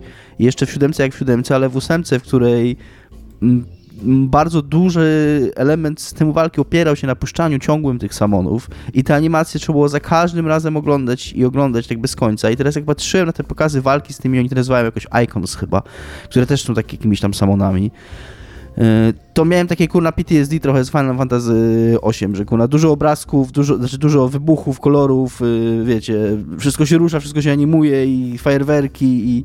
Ja bym chciał tutaj tylko przypomnieć, że w zeszłym roku w jednym z odcinków całe swoje, co jest grane, poświęciłeś na to, jaki super jest Final Fantasy VIII. Że Mm. grasz w nie kolejny raz i że się świetnie bawisz. Ale Final Fantasy VIII współcześnie się dużo lepiej gra, bo można przywijać te samony. Aha. E, oni dodali To może te, też będzie można tutaj przywieźć. wśród, tych, wśród tych usprawnień, które dodali, bo to jest ta wersja działająca na emulatorze, tak jak podobnie jest siódemka wydana i dziewiątka. E, czy tam, no, nie wiem, czy działa na emulatorze. Tak mi się kojarzy, bo firma, która to robiła nazywa się .emu, więc zawsze mam takie, że jak się nazywa .emu, to pewnie to jakoś tam jest oparte o emulator. E, w każdym razie tam jest... sprzedają strusie. Tak. Tak. w każdym razie da się tam przywijać te, te samony, więc to nie... I bardzo No dużo to- używałem tej funkcji. Uważam, że to bardzo poprawia tę grę. Może tutaj też tak będzie. Może będzie taki smasher, którego możesz przewijać, co nie? Może tak. Yy, więc trochę mm, przez to mam takie. Dużo mniej czekam na tą grę niż, niż czekałem wcześniej, Yy, ale też z drugiej strony mam świadomość, że być może to jest tak wygląda kampania marketingowa, bo wiedzą, że ludzie, którzy są fanami serii i tak to kupią yy, i jakby do nich nie trzeba mówić. Yy, Więc trochę jeszcze czekam. Z, z prostowania emu nie jest strusie. A czym jest emu? Jest osobno po prostu. Są strusie i są emu? Jakby Tak, to są dwa różne są- zwierzęta? Tak, one są w jednym e, jakby podgatunku bez grzebieniowców, ale emu i struś to są różne rzeczy. Wow. Okej. Więc czekam wciąż na Final Fantasy Ale się XVI. dzisiaj dużo uczę. E, ale mm, dużo mniej niż, niż y, bym się spodziewał po tytule tej gry. Okej. Myślałam, że Ja- będziesz miał pełniejsze kale sraki, bo jak ja zobaczyłam ten trailer, to byłam like, to chyba jest Final Fantasy. Właśnie po samonach zobaczyłam. To było Final Fantasy, ja byłam jak nie ma samochodu, ani chłopców ubranych w skórzane koszule na gołą klatę. Mniej mnie to obchodzi niż piętnastka. Jakby tak to zostawiłam, potem stwierdziłam, zapytam się Dominika. Akurat ten setting y, taki typowo średniowieczny, takie Taki typowo fantasy, średniowieczne, no. typowo średniowieczne fantazy jest dosyć interesujący, bo to jest coś, czego Final Fantasy nie robiło chyba od szóstki, chociaż szóstka też miała takie elementy steampunkowe, więc bardziej od piątki tak naprawdę. Y, No dziewiątka miała taki, dziewiątka, okej, od dziewiątki można powiedzieć, bo dziewiątka była takim throwbackiem, takim odwołaniem do tych właśnie klasycznych odsłon, takich typowo średniowieczno-baśniowych. E, Z tym, że no ta szesnastka idzie mniej w takie właśnie średniowieczno-baśniowe, a bardziej w taki średniowieczny gritty realizm, taką Dobra, bardziej powiedz mi, czy w takim tron. razie, czy myślisz, że Final Fantasy XVI to rzeczywiście skończy gatunek fantasy? Myślę, że nie. Kurde. Dobrze, Tomek chciał myślę, że- powiedzieć, że... Myślę, że, że... myślę, że gatunek fantazy będzie istniał. A, ja przede wszystkim chciałem, jako że Iga powiedziała tutaj, że się bardzo dużo uczy, to my co tydzień na naszych kolach firmowych mamy taką jakąś ciekawostkę y, przyrodniczą, sobie opowiadamy, żeby było zabawnie. I dzisiaj odkryłem, że płetwal błękitny, czyli ten największy y, wieloryb, jaki, jaki istnieje, największy ssak też, w ogóle największe stworzenie na świecie, co nie, na, na, na Ziemi, zamieszkujące obecnie Ziemię, e, jego serce bije 9 razy na minutę, pompując 3000 litrów krwi. Zobacz sobie, ile spermy wypuszcza taki sperm whale i... Jakoś To mi też jest robi myśleć o jego duży- krwi niż spermie. Du, du, jest tego bardzo wiele ton jakby, nie? Ale co do Sony, co do Sony, to chciałem powiedzieć, że mnie e, trochę interesuje, trochę fascynuje to, że na tym mm, Showcase'ie. ogłoszono trzy gry jako usługi, co nie? Duże, robione przez y, studia należące do Sony, czyli że ogłoszono Maraton, które tam Bungie. wielki szacunek dla Bungie za to, że wracają do swojej tam marki sprzed 50 milionów lat. Tak, właśnie, ale ja mam takie pytanie do was, bo bardzo dużo ludzi, z ludzi, których ja znam, myśli, że to jest nowa IP, ale to jakby ta trylogia w latach 90. się zdarzyła, nie? To nie jest tak, Tak, że to to nie ludzie, którzy nie znają po fever prostu podstawowych faktów z historii gier wideo. Dobra. To, tak swoją drogą, Maraton to jest Do mega, do, mega dobry trailer. Tak. To jest naprawdę mega super się oglądało ten trailer. Poza tym, że nie pokazuje gameplayu w ogóle. No ale w sensie jako trailer, jako takie wydarzenie audiowizualne, jako reklama jest po prostu top fucking notch. Jeżeli chodzi o Tak. reklamę gry, słabiej tak. Więc Bungie robi, Bungie robi maraton, e, Studio Haven e, robi Fair Games i jeszcze Concord, tak? Jest ta trzecia gra, która się, która, która, która, która... Jeszcze jest to e, z pianą. A, tak, ale to, ale to już nie robi, to już nie robi studio jakby wewnętrzne No tak, tak. Sony. E, tak, to się nazywa Concord i robi to Firewalk Studios. I nie dość, że to jest moim zdaniem dosyć dużo takich strzelanek jako e, e, utrzymywanych jakby e, online i tak dalej, co nie? To jeszcze ogłaszają trzy takie gry. Wszystkie trzy są właśnie tam, należą do, do, do, do, Sony i żadna nie pokazuje, jak naprawdę będzie wyglądała ta gra, jak się naprawdę będzie w nią grała. Żadna nie ma ani kawałka, kurde, gameplayu, nie? I jakby nawet mnie to nie dziwi, że takie wielkie tytuły zapowiada się najpierw właśnie takimi trailerami, na których nic nie widać. Na przykład widać, kurde, w tym e, Concordzie to widać, kurde, trzęsącego się hot doga, co nie? To jest, kurde, to jest sposób, w jaki chcą zajawić, e, e, zajawić strzelankę. Ale że trzy na jednej konferencji, to już jest, kurde, trochę za dużo, moim zdaniem. To, to tak mogli sobie rozłożyć na kilka miesięcy takie ogłoszenia. No, ale mi się wydaje, że oni przede wszystkim chcą teraz znaczyć, że coś wychodzi, a potem nawet nie będą pokazywać gameplayu, tylko od razu rzucą beta. Przynajmniej mam taką nadzieję. Bardzo wątpię, żeby tak było z takimi wielkimi tytułami, wiesz? E, Natomiast co do Fair Games, to jeszcze chciałem powiedzieć, że mm, to jest ta gra, przy której Emi Henning chyba e, pracuje, e, że przedziwny jest trailer do tej gry, bo to jest trailer, który się zaczyna od, znaczy tak, taki filmik, bo tam w ogóle nie ma, nie ma trailera, jakby nie ma, nie ma gameplayu, tak jak mówiliśmy, co nie? Ale to jest filmik, który się zaczyna od takiego anarchistycznego stwierdzenia, że tam jest za dużo pieniędzy na tym świecie i za dużo bogatych ludzi je ma i tam trzeba tu zaprowadzić sprawiedliwość i będziemy okradać bogatych ludzi. I spoko, jakby rozumiem, rozumiem ten setting, co nie? To jest, to jest setting, który, który mi sprzedaje ta gra, co nie? I, a później widzimy, jak ci ludzie napadają na jakiś skarbiec i tam są inni ludzie, którzy napadają na ten skarbiec. I co oni robią? Oni zaczynają ze sobą walczyć. A później są jeszcze inni ludzie, którzy nap- napadają na ten skarbiec i oni znowu zaczynają na siebie walczyć. Więc to de facto nie jest gra o tym, żeby okradać, okradać e, bogatych ludzi, tylko to jest gra o tym, że biedni ludzie walczyli między sobą i robili jakieś takie igrzyska. y, I być może ta drużyna, która wygra, zdobędzie jakiś tam, em, nie wiem, Dyskwalifikowano następny dzień chyba. życia, co nie? No. więc, więc przedziwne jakby tak, że, że ustawiasz setting i dosłownie minutę później go bierzesz i burzysz. Czasami No. tak trzeba. czasami A- tak, czasami tak. Ja bym chciała powiedzieć, że super cieszę się z faktu, że wychodzi Alan Wake 2 i wychodzi szybko, bo wychodzi już na tą jesień, 17 e, październik, Października, tak mi się wydaje. Tak? tak? E, 2023 chyba. A nie będę rozmawiać.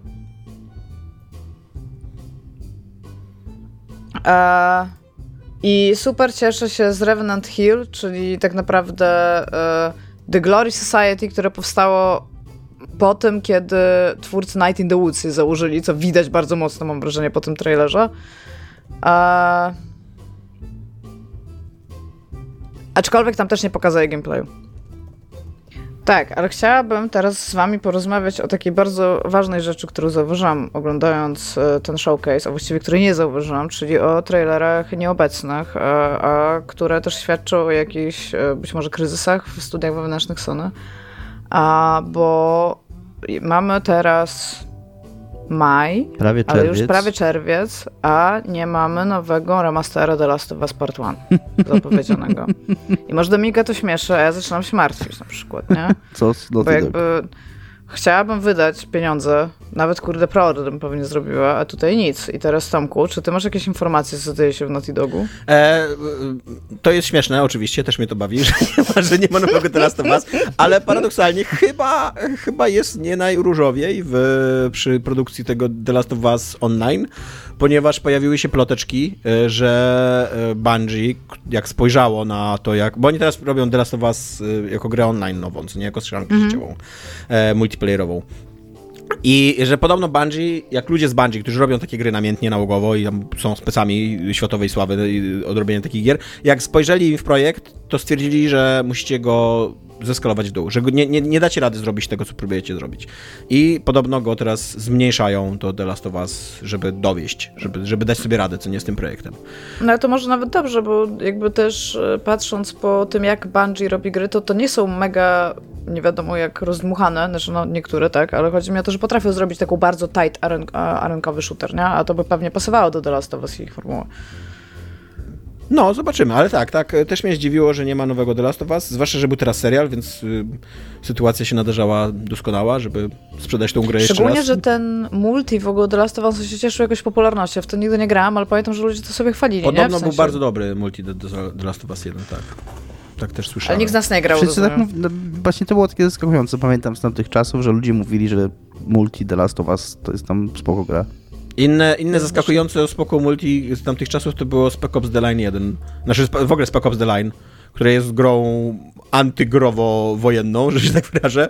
E, podobno też miało bardzo spoko multi, w którym się fajnie mordowało ludzików. Amerykanów czy innych ludzików, nie? Bo to jest... E, Ale tak, to jeszcze może tak szybko e, tutaj tylko zaznaczę, że e, Giant Squid Studios od Abzu i od ludzi od Journey, powiedzmy, już tam pewnie jak się taką herbatę robi z jednej esencji, to to już jest takie już homeopatyczne pewnie Journey. Sword of the Sea wychodzi i to będzie kolejna taka gra najprawdopodobniej, po prostu, bo jakby nie widzę, że miałoby się coś tam zmienić.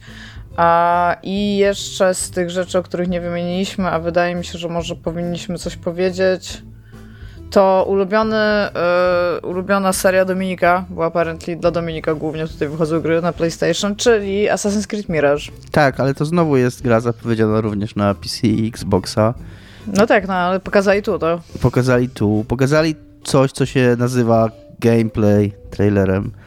E, Znaczy wyglądało bardzo źle ta gra, więc jakby to wyglądało jak gameplay bo ja trailer. wiem, czy bardzo źle? Wyglądała Normalnie jak, wyglądała, jak normalny Assassin. wygląda jak normalna, wyglądała jak... Assassin's Creed. Tomek, to, Tomek jak to zobaczył, to prawie zwymiotował, powiedział, że tak źle to wygląda. Ja byłam like, Hmm. eee, Hmm, wygląda jak Assassin's Creed Origins y, albo Valhalla, albo... No, a Valhalla wygląda trochę lepiej, ale może ja źle zapamiętałam. którykolwiek z tych ostatnich Asasynów i tylko po prostu w innym trochę settingu, więc Dobrze, nie że zgadzam grał. Się. No pewnie, że będę grał. Będę grał jak, jak, będę grał A jak zły. A czy woda jest mokra? Czy papież stał w lesie? papież w lesie, właśnie. Właśnie. A, potem Natomiast pytanie. Iga, ja mam do ciebie pytanie. Bo Tak. ty, jak my sobie SMS-owaliśmy w trakcie tej konferencji, y, to powiedziałaś, że się zesrałaś na poziomkowo, ponieważ The Glory Society opublikowało trailer Revenant Hill. Tak, już o tym mówiłam. To Tak. są ludzie, którzy wcześniej robili Night in the Woods. Tak, właśnie i, I- dlaczego cię to tak rajcuje? Bo ja pamiętam, że Night, Night in the Woods nie, do, nie dowiozło wszystkich twoich oczekiwań jakby. Nie była Znaczy, to bo tak genialna gra, jak się spodziewałaś. Ma, bo tak, bo on ma jeden problem, tak naprawdę, jakby ca cała ta gra. Fakt, że coś, co jest metaforyczne, się w pewnym momencie przestaje być metaforyczne. To jest jedyny problem w ogóle tej gry. Ale im dłużej ta, ta gra ze mną została, to te wszystkie takie mniejsze momenty, tak? To spędzanie czasu tam z mamą, z tymi przyjaciółmi, ten problem w ogóle, który ma May, tak? Który, przez który ona wróciła. I wszystkie te rzeczy, takie tak po kolei, które się tam działy, to w jaki sposób tam były dialogi napisane, których ty nie chciałeś mówić, bo po prostu nie chciałeś być tą osobą, która jest May, ale wiedziałeś, że ona też nie chce nią być, to to ze mną wszystko zostało przez ten bardzo długi czas. Te konkursy poetyckie, które tam były i w ogóle wiersze. Przecież ja je mam w ogóle cały czas memorized i w serduszku. I cały klimat w związku z tym mi się bardzo podoba. A ten Revenant Hill to jest w ogóle rok 1919 na jakimś tam e, pół- północnych Stanach Zjednoczonych, tak? Gdzie e, kot, e, który mieszka wcześniej w jakimś tam budynku, który spłonął, przeprowadza się do, nie wiem, tartaku chyba i się okazuje, że przylatuje sowa, która jest właścicielem tego, bo tam, tam, są, tam są normalni ludzie i tam sobie żyją, ale też gra się kotem, tak? Tak jak w Night in the Woods, tylko nie są w krainie zwierząt, że tak powiem, tylko to jest po prostu kot. I on sobie mieszka w tym tartaku i przychodzi sowa i mówi, ej, ale musisz mi płacić czynsz. I ten kot razem, jakby u boku tych ludzi, którzy, którzy mają gigantyczny problem, żeby przeżyć, też musi znaleźć jakiś system, żeby móc przeżyć w tym takim dziwnym czasie. Jakby. Mi się ten premis w ogóle też bardzo ciekawy wydaje. Plus graficznie. Ja bardzo, bardzo lubię tą grafikę. Ja zobaczyłam tego kota i byłam like, oh my fucking god, potrzebuję tego więcej. Więc Night in the Woods dla mnie się bardzo dobrze zestarzało. W sensie w moim sercu bardzo, może tak. No bo sam przyznasz, bo graliśmy wszyscy w Night in the Woods, nie? Że do jakichś trzech czwartych ta gra była super. Ja bardzo Tak. krótko grałem w Night in the Woods, więc... I dopiero jak zaczyna się okazywać, że ten taki. To takie, to zło czyhające gdzieś tam z tyłu, Że tam tak? jest które realny spisek satanistów. tak, i że, i że to jest, że to, że to jest okultystyczny jakiś fink, a tak jak po prostu to by było tak jak w tym, w Disco Elysium, tak? Że jakby jedyny duch tam, który nad tym miejscem krąży, to jest tam postkapitalizm, tak? Jakby źle sprzedawaliście rzeczy i to po prostu upadło, a nie, że tutaj jest klątwa, tak? I to by było super, ale no stwierdzili, że pójdą w drugą stronę, jakby no okej, okay, to była jakaś decyzja, ale po, po, poza tym zakończeniem, tym jednym elementem właściwie zakończenia, ta gra była super. Tak zapamiętałam ją i tak o niej myślę, więc cieszę się na Revenant Hill. Tak dokładnie napisałam, zesrałam się na poziomkowo to Tak to zapamiętałem. No, oprócz tego w ogóle e, tam było, bo tam też e, na przykład zapowiedzieli Dragon's Dogma i coś, co się nazywa Grand Blue Fantasy i coś, co się nazywa jeszcze bardzo podobnie, coś tam w Tower of Fantasy. I to był taki mm, jeden niekończący się trailer anime, który mógł być jakąkolwiek grą. Nie wiem, czy się ze mną zgodzicie. Tower of Fantasy o też było. Że jakby mi się to wszystko zmieszało w trzy, w, w jedną i tą samą grę. Ale do, do Tomka miałam pytanie, mhm. a, bo zapowiedzieli taką grę i my myśleliśmy tutaj sobie, jak to oglądaliśmy, że tagline tej gry powinien brzmieć gdyby twórcy Dead Cells byli na kwasie. Tak. Ultros, Ultros, czy ty to widziałeś, czy ty to będziesz grał? Bo ty grałeś w Dead Cells i mi się tak strasznie skojarzyło to, że to ty będziesz w to grał. Wydaje mi się, że to nie będzie e, roguelike, tylko, że to będzie zwykła Metroidvania. A, okay. Tak mi się wydaje, nie jestem pewien. Też jakby nie, nie, nie oglądałem jakoś super uważnie, nie czytałem na temat tego później i tak dalej. E, dobrą Metroidvanię biorę w ciemno zawsze, co nie? Zwłaszcza taką 2D, co nie? Gram teraz w Metroid Prime, ten, ta taka 3D mm, labirynty już nie do końca mnie kręcą, bo gubię się po prostu, co nie? Strasznie dużo czasu spędzam na mapie. Jednak, jednak dobra Metroidvania to jest dwuwymiarowa i, ma, i masz mapę na cały ekran i, i, i sobie tam oglądasz i, i, to jest cool, co nie? Więc tak, więc jeżeli to będzie dobra Metroidvania, z jakąś taką właśnie acidową, fajną graficzką, biorę w ciemno. Jakby będę grał i, i, i, nigdy takich gier, kurde, za dużo. Mm, to są gry, które się świetnie gra na wszystkich platformach, one wchodzą i na dużych konsolach, i na, kurde, przenośnych konsolach, i na PC-tach, i jakby tam, aleluja. Piękny, piękny gatunek to jest. Dobrze, że tak właśnie pomyśleliśmy, że to coś dla ciebie. No i to w sumie tyle, jeżeli, no bo o VR-ze nie będziemy gadać. Zapowiedzieli Resident Evil 4 VR, to właściwie chyba głównie to. E, fajnie, że w ogóle na VR coś wychodzi, natomiast e, spadłam już trochę z tego konia, że tak powiem, plus nie kupiłam sobie nigdy PlayStation VR 2. Ja powiem tak, yy, gram w to Half-Life Alex powoli, od czasu do czasu. Jest ale to, to jest w ogóle nie, to, nie ten VR. Ja wiem, ja wiem, ale mogę ogólnie coś na temat VR powiedzieć, tak? Przy no, okazji. No ogólnie VR jest pretty cool, natomiast te PC-owe slash rzeczy ze Steamem związane są dużo fajniejsze niż te PlayStation. Okej. Okay. ma więcej tytułów. Okej, okay. a mogę powiedzieć to, co chciałem powiedzieć, czy... Nie. Znaczy tak, jeżeli odniesiesz do tego, co ja powiedziałem. Tak, no, odniosę się w tym sensie, że że bardzo fajna jest to gra, natomiast e, w ogóle nie mam czegoś takiego e, grając w nią, że o Jezu, to jest przyszłość grania i że teraz będę grał na VR i tak dalej.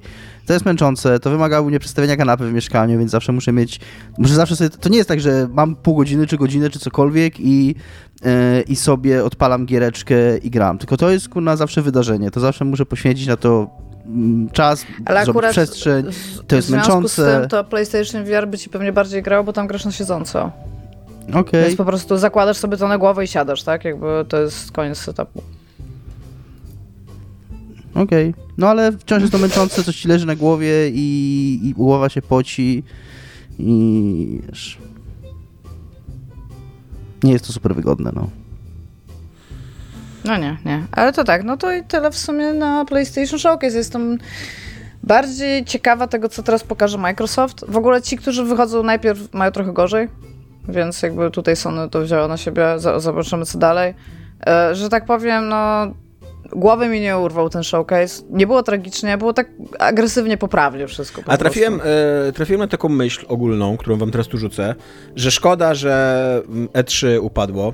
E, takie fizyczne E3, na które się tam chodzi i, i przebywa się w tych budkach i rozmawia się z twórcami i tak dalej, ponieważ jakby relacje z takich imprez robione przez dziennikarzy, którzy byli tam fizycznie i widzieli te gry i mogli pogadać i tak dalej, były bardziej głębokie, bardziej autentyczne, bardziej interesujące dla czytelnika niż relacjonowanie takich po prostu wyreżyserowanych transmisji, co nie z trailerami, gdzie wszy, gdzie wszyscy, jeżeli nawet mówią o grze, to mówią tylko i wyłącznie to, co chcą w bardzo bezpiecznym mm, środowisku, gdzie dziennikarze nie mają e, padów w rękach nigdy, co nie, nie mogą sami pograć i tak dalej. Czy widzicie taką różnicę w swoich życiach, że brakuje wam tam tych materiałów, które się wysypywały dookoła E3? Ja bardzo dużo oglądałam Giant Bombów, którzy robili rzeczy na E3, ale przez to, że oni się rozpadli, to jakby bym musiała sobie znaleźć nowych typów, którzy to ogarniają, więc z tego mi nie brakuje, aczkolwiek samych takich materiałów, które wtedy wychodziły, tak, to to było fan. W sensie też, wiesz, to było skoncentrowane w jednym miejscu, bardzo dużo ogłoszeń i wiedziałeś, że, się, że jest E3, tak? Nawet jak nie jechałeś na E3, to wiedziałeś, że jest E3 i to było fajne. To jest trochę tak, jak teraz y, są Gamescomy, tak? Wiesz, że będzie ogłaszanie na Gamescomie rzeczy, wiesz, że, wiesz, że to będzie jakby taki duży, duże źródło newsów i tam możliwości patrzenia na rzeczy, tak? No ale czy mi jakoś tak osobiście bardzo brakuje trzy? Wydaje mi się, że y, to, co się stało, to na E3 też trochę gier indie się jednak wystawiało i teraz ci ludzie nie mają tego spotlightu, który mogliby mieć i to jest smutne. A tam, czy ja Spidermana zobaczę w telewizji, na YouTubie, PlayStation, czy gdziekolwiek indziej? Nie wiem. To jest trudne pytanie, Tomaszu. Dominika, tobie brakuje? Yy, brakuje mi tych wielkich konferencji, bo to było zawsze ciekawe. Te wielkie konferencje Microsoftu, Sony, Nintendo, takie, bo teraz to wszystko przyjęło taką formę tych streamów, gdzie jest po prostu trailer za trailerem, bez wychodzących e, przedstawicieli studiów i bez tego całego, bez tej całej wielkiej oprawy i bez Keanu Reevesa wchodzącego na scenę. No właśnie, czy, czy brakuje ci ich ze względu jakichś informacyjnych, czy po prostu show i tak trochę po ironicznie ci brakuje? Show, po, trochę, nie wiem czy ironicznie, to było fajne. To było fajne też żyć tym przez jakiś czas i się ekscytować tym. A teraz to się wydaje takie zwyczajne. Odrzucą tam 12 trailerów i tyle. No. Więc trochę mi tego brakuje. Trochę mi brakuje tego tej uprawy całej. Dobra, to skoro y, mówimy o, o, o, życiu i o y, to, co jest żyte, y, w tym tygodniu moje, co jest żyte, ja zadaję pytania, a jako, że mieszkam tuż obok liceum, to byłem świadkiem w ostatnich tygodniach stresów maturalnych i postmaturalnych licealistów. I też u nas na grupie jakiś nasz słuchacz licealista się ujawnił, że jest, że nas słucha. E, więc chciałbym się zapytać o, o waszą maturę. Jak wspominacie e, swoją maturę przede wszystkim, tak bardzo ogólnie? Czy się stresowaliście? Jak wam poszła? Z czego zdawaliście? Na jakich zasadach zdawaliście? Bo wydaje mi się, że ja, Dominik, zdawaliśmy na innych zasadach niż Iga. I tak, może w takim razie Iga, ty powiedz najpierw, na jakich właśnie zasadach zdawałaś? Ja zdawałam nową maturę, ale to była ta eksperymentalna nowa matura, bo ja z... rok wcześniej dopiero weszła, ja zdawałam drugą, która weszła i my mieliśmy zupełnie inne zasady niż ta pierwsza i potem Czyli przez jak, ileś... jak to wyglądało? E, musiałeś zdawać trzy przedmioty, w sensie język e, obcy, polski na podstawowym lub rozszerzonym poziomie, plus przynajmniej jeszcze jeden przedmiot na poziomie mogłeś go rozszerzonym lub podstawowym i każdy następny, który sobie dobierałeś, mogłeś zdawać chyba 6 albo 5, musiał być już rozszerzony. Czyli pisałeś tak naprawdę dwie, dwa egzaminy z niego. Ja zdawałam angielski rozszerzony, polski rozszerzony i biologię rozszerzoną. A czy miałaś prezentacje tych... i testy, czy miałaś pracę pisemną i e, ustny normalnie egzamin, takie pytania, co nie? Ust, y, ustny był i z języka polskiego, i z języka angielskiego a reszta to były normalnie pisemne egzaminy w dwóch arkuszach, na które przychodziłeś osobno, w sensie nie pisałeś, z tego co pamiętam, e, podstawy, a pot i potem miałeś tam chyba przerwę i potem było rozszerzenie. I ja pisałam jeszcze dodatkowo historię sztuki i matematykę rozszerzone. I ja tego w ogóle nie pamiętam, to nie był w ogóle ważny moment w moim życiu, tak szczerze. Pamiętam, jedna z takich niewielu rzeczy, to pamiętam, że pijam przedtem energetyka, bo ja nigdy nie piję energetyków. I pamiętam, że do biologii powtarzaliśmy jeszcze rzeczy jadąc autem do liceum z ziomeczkiem moim, bo on też pisał biologię rozszerzoną, jako ten przedmiot, że tak powiem, gwarantuje. Musiałeś zdać te trzy pierwsze przedmioty, a te całe resztę mogłeś ich nie zdać. Mogłeś mieć poniżej 30%, ale mogłeś sobie dodatkowo jakby wybić na nich punkty. E, więc pamiętam, że jechaliśmy na biologię i tak mniej więcej wspominał moją maturę. Ona była, pamiętam, że przez to, że tak dużo się jej pisało tych egzaminów, to ona była strasznie długa. Bo ja nie wiem, ile wy pisaliście, ale tam to był, kurde, jakiś tydzień z hakiem. Po prostu się jeździło na różne dni, na różne egzaminy. I to było straszne zawracanie dupy, moim zdaniem. To było jakoś źle zorganizowane. Wolałabym wpaść na jeden cały dzień, napisać egzaminy i pojechać, nie? Więc tak, yy, To, tak to wyglądało u mnie, rok wcześniej wyglądał inaczej, wiem, że rok później też już zdawałem na zupełnie różnych zasadach, co spowodowało potem straszną konfuzję uniwersytecką, bo nie wiadomo było jak e, porównywać maturę do matury w tych trzech następnych latach, tak? W sensie, jeżeli chciałeś się gdzieś dostać. I mieliśmy różne przeliczniki, co mi wyszło na bardzo dobrze, bo moje matury były z jakiegoś powodu prawie dwukrotnie lepiej oceniane niż y, tych wcześniej i tych później. Więc mogłam się dostać na każdy kierunek studiów, na jaki chciałam. Dominik, jak ty wspominasz swoją maturę? Yy, ja zdawałem starą maturę. Ja byłem takim śmiesznym rocznikiem, kiedy miała wchodzić nowa matura już i nas przygotowywano przez długi czas do nowej matury, po czym się nagle okazało, że będzie jednak stara matura, a potem na koniec wyszło tak, że można było wybierać, że każdy mógł wybrać, czy chce zdawać starą i nową. I był taki, część ludzi zdawało starą, część ludzi zdawało nową. Owsiany zdawał nową na przykład, bo taki był młody, zbuntowany. I... Bardzo, aż maturę napisałem. Tak, tak. I odważny. Ja pisałem starą maturę.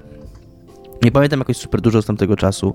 Pamiętam, że się przygotowywaliśmy, bo ja i paru moich kolegów wtedy z liceum, z którymi z częścią utrzymuję regularny kontakt, z częścią trochę mniejszy, najbardziej z owsianym. I my wszyscy wtedy chcieliśmy się dostać na ETI, na Wydział Elektroniki, Telekomunikacji i Informatyki Politechniki Gdańskiej, na informatykę.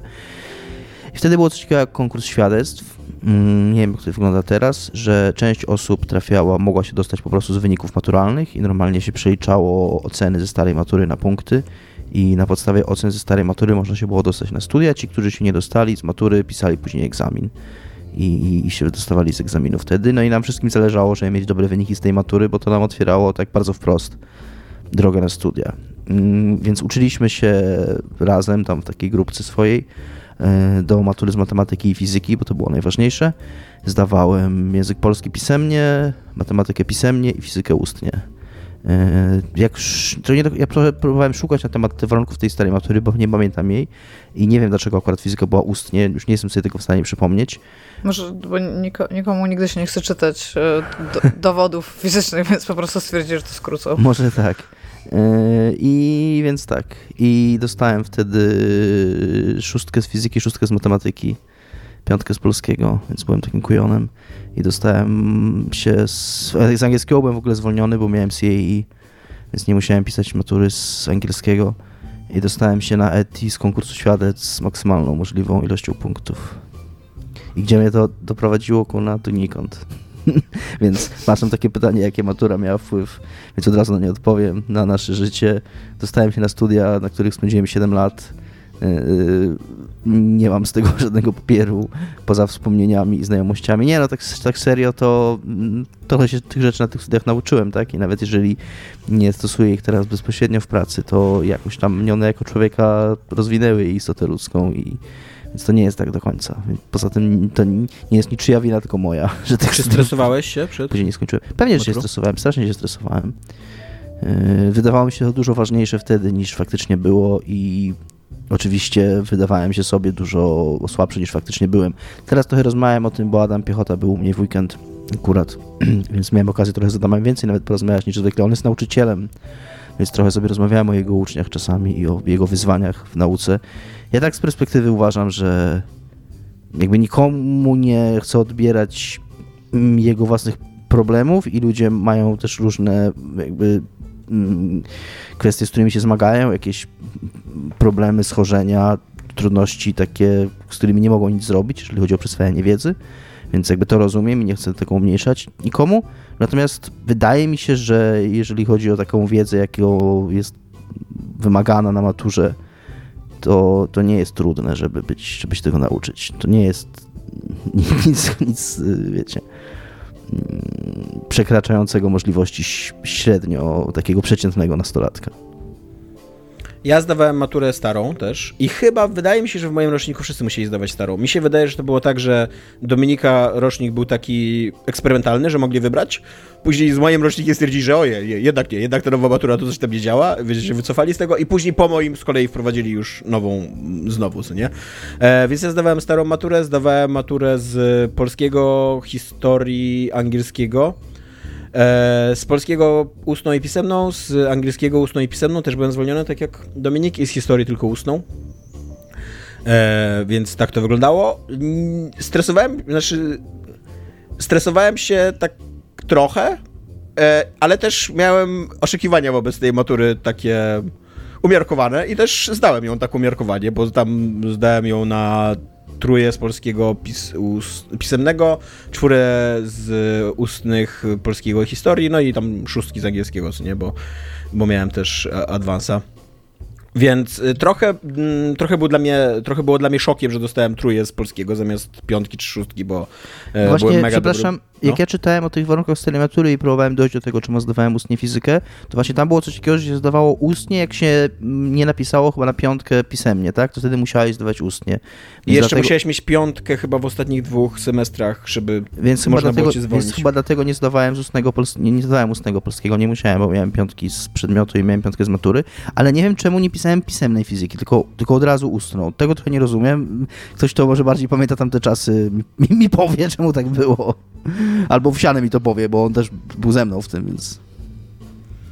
Więc Słucham mówię, trochę się, y, trochę się zdziwiłem, tak chyba bardziej zdziwiłem niż zmartwiłem. Ja w ogóle byłem w liceum dosyć y, lekko duchem, tak się wyrażę, jeżeli chodzi o edukację. Więc trochę się zdziwiłem, że nie dostałem piątki czy szóstki z tego polskiego i że musiałem ją zdawać jeszcze y, ustnie, ale koniec końców podszedłem i zdałem i, i nie była to żadna trauma dla mnie, ani tragedia. E, trochę... Ja miałem- trochę mi to mogło pokrzyżować plany, bo chciałem iść do, na inne studia niż w końcu przyszedłem. Pierwszy rok studiowałem w Olsztynie z matury łączonej, czyli że był jakby połączony mm, egzamin razem z maturą i po prostu oni sobie przeliczali jakoś tam punkty e, i traktowali to jak swój egzamin wewnętrzny, co nie? I ta trójka i czwóra mi wystarczyły, żeby się do Olsztyna dostać, ale ostatecznie okazało się, że zarówno do Gdańska, jak i do Warszawy i tak musiałbym zdawać egzaminy takie uniwersyteckie, a nie mieć jakieś tam przeliczniki punktów i tak je zdawałem i tak nie zdałem, więc tam nic się nie zmieniło w moim życiu z powodu tej, e, tej kiepskiej oceny z matury e, i pierwszy rok studiowałem w Olsztynie, co nie? E, natomiast ja podobnie chyba mi się wydaje jak Domek, bo Domek ty chyba kiedyś o tym pisałeś na Facebooku, ja uważam, że trochę zbyt dużą wagę przykładamy i te, Mhm. też w ogóle system trochę zbyt dużą wagę przykłada do mm, decyzji, jaką podejmuje 18-19-letni e, Tak. człowiek, i, wybierając przedmioty i idąc na maturę i jakby myśląc o tym, co on będzie robił w przyszłości, jak będzie wyglądało jego życie, nie? To jest... Tam się dużo rzeczy jeszcze bardzo może wydarzyć i mm, mam całą, cały szereg e, przyjaciół, którzy mm, się kiepsko uczyli, albo nawet się dobrze uczyli i nie zdali matury, bo, bo, bo coś tam się wydarzyło. Wszyscy dzisiaj mają bardzo poukładane życia i, i radzą sobie w życiu i Ale u nas i tak jest w porządku, bo u nas maturę można powtarzać, a w Niemczech w niektórych tych systemach nie jesteś w stanie, więc ludzie sobie często robią na przykład dwa lata przerwy, żeby sobie tam zrobić jakieś kursy, tam porobić jakieś staże i dopiero podchodzą do egzaminów dojrzałości, nie? Więc jakby wciąż... Ja, ja ogólnie uważam, że do matury i w ogóle do egzaminów i tego typu rzeczy ludzie przywiązują za dużą uwagę i się tym stresują, a to jest w gruncie rzeczy to jest takie trochę bez sensu, bo to jest tak, jak potem jesteś w jakiejś korpo i stresujesz się deadline'em, co też jest trochę bez sensu na koniec dnia. Jakby to jest tylko egzamin, który można powtórzyć. Nawet jeżeli, Jakby- no, jakby to jest jeszcze ekstremalna, powiedzmy ekstremalna, no, nie ekstremalna, ale skrajna, tak, sytuacja, że ktoś nie zdaje matury, ale y, to jakby koniec końców mm, wszystko się jakoś życiowo wyrównuje, nie? I to nie jest tak, że, że jak tam pójdziesz na te, te czy inne studia, to, to jakoś to de- determinuje twoje życie na przyszłość. A ja z kolei miałem być kurna informatykiem i zarabiać kokosy y, i być rozchwytywany na rynku pracy, a nie jestem, bo podjąłem później inne decyzje w swoim życiu i też nie żałuję ich, nie jest tak. Nie poznałbym Tomka, nie poznałbym Igi, nie byłoby niezatapialnych, albo byliby tylko beznadziejni, bo beze mnie. Yy, i, Albo sam byś ich prowadził, nie wiesz. albo ja jak, prowadził. zdawałem, ja jak decydowałem o tym, że pójdę na polonistykę i zdawałem właśnie, byłem taki bardzo nastawiony na język polski, to miałem dwie, miałem dwa bardzo głupie wyobrażenia o swoim przyszłym życiu. Po pierwsze, że będę pisarzem, co jest skrajnie głupie. Jakby nigdy, nigdy nie ustawiajcie swoich e, planów życiowych pod to, że będziecie e, pisarzami czy tam twórcami i tak dalej. Jeżeli macie być, to nimi będziecie, ale planujcie jakiś normalny zawód sobie, nie taki stabilny. A po drugie myślałem, autentycznie mi się wydawało wtedy, że nie najgorzej jest być nauczycielem, że ja bym był w stanie być nauczycielem.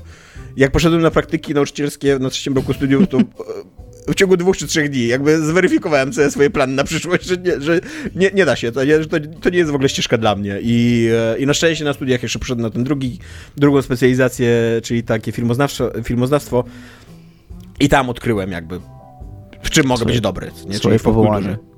Słucham? Swoje powołanie, swoje powołanie. Jeszcze Tak. chciałem powiedzieć, że mm, a propos swojej matury, że ja też trochę miałem szczęście, bo ja nie wiem, wydaje mi się, że po prostu mi dosyć łatwo przychodziła nauka w szkole, być może za łatwo, bo nie nauczyłem się trochę wartości pracy, co później mi i wartości takiego, wiecie, uczenia się i później obserwowania mm, efektów tego, bo po prostu za bardzo się nie musiałem uczyć wszystko mi przychodziło dosyć łatwo.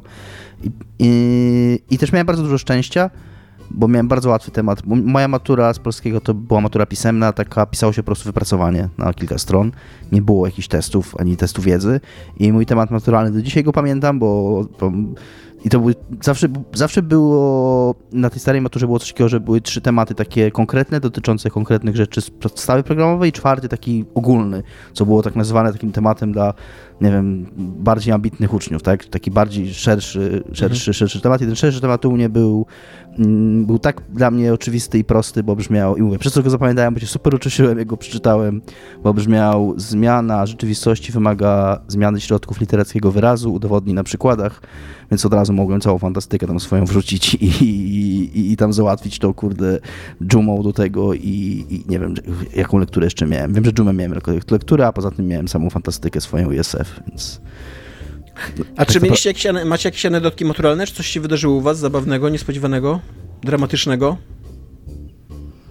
E, tak jak powiedziałem, ja zdawałem starą maturę, więc stara matura była oceniana wewnątrz, wewnątrz tak. y, przez nauczycieli.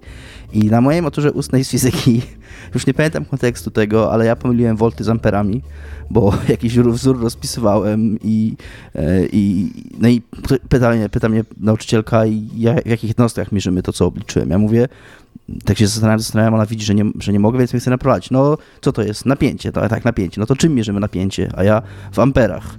E, co nie jest prawdą, bo w amperach się mierzy natężenie prądu, a w voltach mierzy się napięcie, co wydaje się bardzo podstawowym błędem, takim dla trójkowego ucznia, a nie dla takiego, który chce mieć szóstkę z tej matury.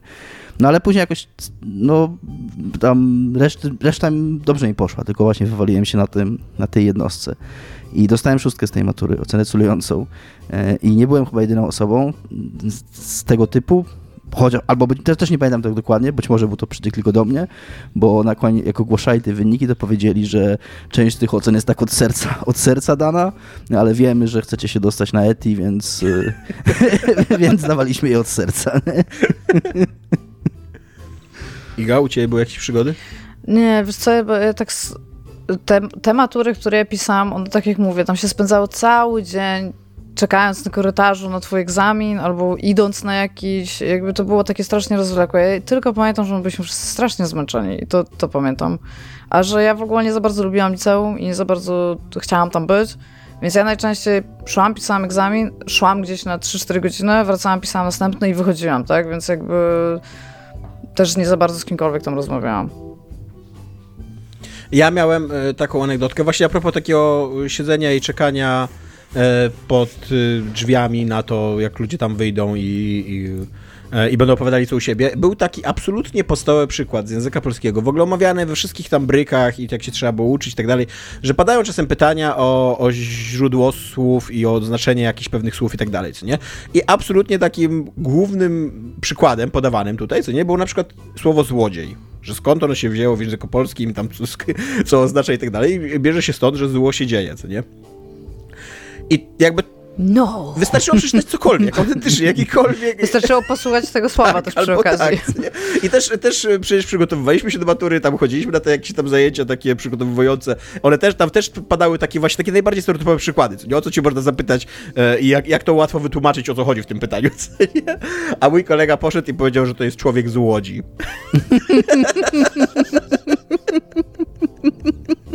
I, I tak, i, i to było mega zabawne. Co? On, on się zawsze borykał jakby z trudnościami z języka polskiego i, i tą maturę chyba zdał na dwóje albo truje, e, ale tak, ale tak, było takie, że kurde, co nie? Ja mam bardzo silne wspomnienie, nie z matury wprawdzie, nie z matury, tylko z matury próbnej, e, że w drodze na maturę próbną kupiłem Baldur's Gate 2 mm. i tam cały w tym, w, siedząc przed salą i czekając na wejście na maturę, tam oglądałem Tego się nie spodziewałem, po prostu to jest dopiero w ogóle co nie pułapka, w którą wkroczyłem matury, a Dominik jest, znowu Baldur's Gate, nie? tak, tak. E, dobra, to tyle na dzisiaj, tyle w co jest żyte. E, jeżeli Ja jeszcze... mogę powiedzieć, że jadąc samochodem na maturę to z biologii słuchaliśmy płyty Bloodhound Gang, Hooray for Boobies, bo to pamiętam. Jeżeli jeszcze się dzieją matury, bo nie wiem jak długo, wiem, że czasem te matury strasznie długo trwają dla, dla ludzi, którzy jakieś sobie dziwne przedmioty pobierali, to powodzenia, tam tu trzymamy kciuki. E, Powodzenia. cały czas mnie przeraża, że ludzie, którzy mają po 18-19 lat mogą nas słuchać, jakby bardzo to podkreśla moją starość i to, to ile mam lat. E, ale tak, e, pamiętajcie też, że mamy naszego Patronite'a, prowadzimy, jeżeli byście chcieli nas wesprzeć finansowo, to super, to zapraszamy. Dziękujemy Michałowi, Mafinkowi, Tomaszowi i Bartkowi, którzy tam wpłacają nam najwięcej, e, znaczy na najwyższym progu, o tak i zasługują sobie na publiczne podziękowania, ale wszystkim innym, którzy y, wpłacają mniej, też bardzo dziękujemy. A jeżeli nie możecie wpłacać, to tam spoko, y, y, żadnego Patronite'a nie będziemy za kontentem ukrywać, ani nic takiego, więc tam spoko, niech się dzieje, tak. To tyle, hej. A chwila, ja mam jeszcze jedno. Czy już Tak. zatrzymaliście nagrywanie? E, Bo Adam Piechota, jak już mówiłem, był u mnie w weekend i miałem koniecznie powiedzieć, że e, oglądaliśmy, no tam trochę w sobotę mieliśmy, mieliśmy imprezę, w niedzielę trochę łaziliśmy, oglądaliśmy filmy, między innymi obejrzeliśmy Przed zachodem słońca, drugą część tej trylogii Linklatera i Adam Piechota się poryczał jak baba na niej, na tym filmie. Jak baba? Ale jak jak go pytałem, czy mogę o tym powiedzieć, to on powiedział mi, że jest z tego dumny, że to były prawdziwe męskie łzy i że mogę o tym powiedzieć. Jak ryczy baba? Nie wiem, no, męskie łzy od kobiecych. Obficie, ob, mocno się... Po... Znaczy nie, no ja tak naprawdę nie widziałem tego, on sam powiedział, że płacze. Pod koniec filmu spytał mnie, kiedy ten film się skończy, bo już nie może cały czas płakać. Więc jakoś bardzo, bardzo... To jest w ogóle doskonały film, bardzo go polecam, polecam całą trylogię. Mm, Adam chyba bardzo do siebie go wziął, bo to jest film akurat o ludziach w jego wieku i chyba bardzo odniósł to, co się w nim dzieje i to, o czym mówią bohaterowie i to, co przeżywają bohaterowie do swojego własnego życia i bardzo go to emocjonalnie. I cię poryczał jak baba, no. W ogóle jak, e, jak e, Dominik i Adam mówili mi, co będą oglądać, to e, doszliśmy do e, przecudownej, przezabawnej moim zdaniem sytuacji, gdzie bardzo trudno jest rozmawiać o filmie R, ponieważ, ponieważ jest film R od Adidasów, tak? Nie Adidasów, Nike'ów. Czy Nike'ów. Pum. Nike'ów. Najków. Czyli R, czyli powietrze. Ale jest również film RRR, którego też jakby no, nie, mów, nie mówi się RRR albo 3L, tylko R po prostu się mówi niego. Jest również serial, który ja teraz oglądam, czyli Ostry Dyżur, a po angielsku Dyżur to jest ER, czyli też R. Więc tak, jak, jak ktoś się powie, że ogląda R, to, to, to, to bardzo wiele rzeczy może oglądać. Z bardzo różnych takich e, e, zakątków e, popkultury, nie? E, więc tak, nie oglądaliście w końcu Era. Nie, nie oglądaj. Jeżeli nasi drodzy słuchacze oglądaliście R, to możecie napisać, co, co nie myślicie. Yy, bo Dominik jest chyba ciekawy, tak? Jestem ciekawy i pewnie w końcu obejrzę. To cześć. Cześć. Papa.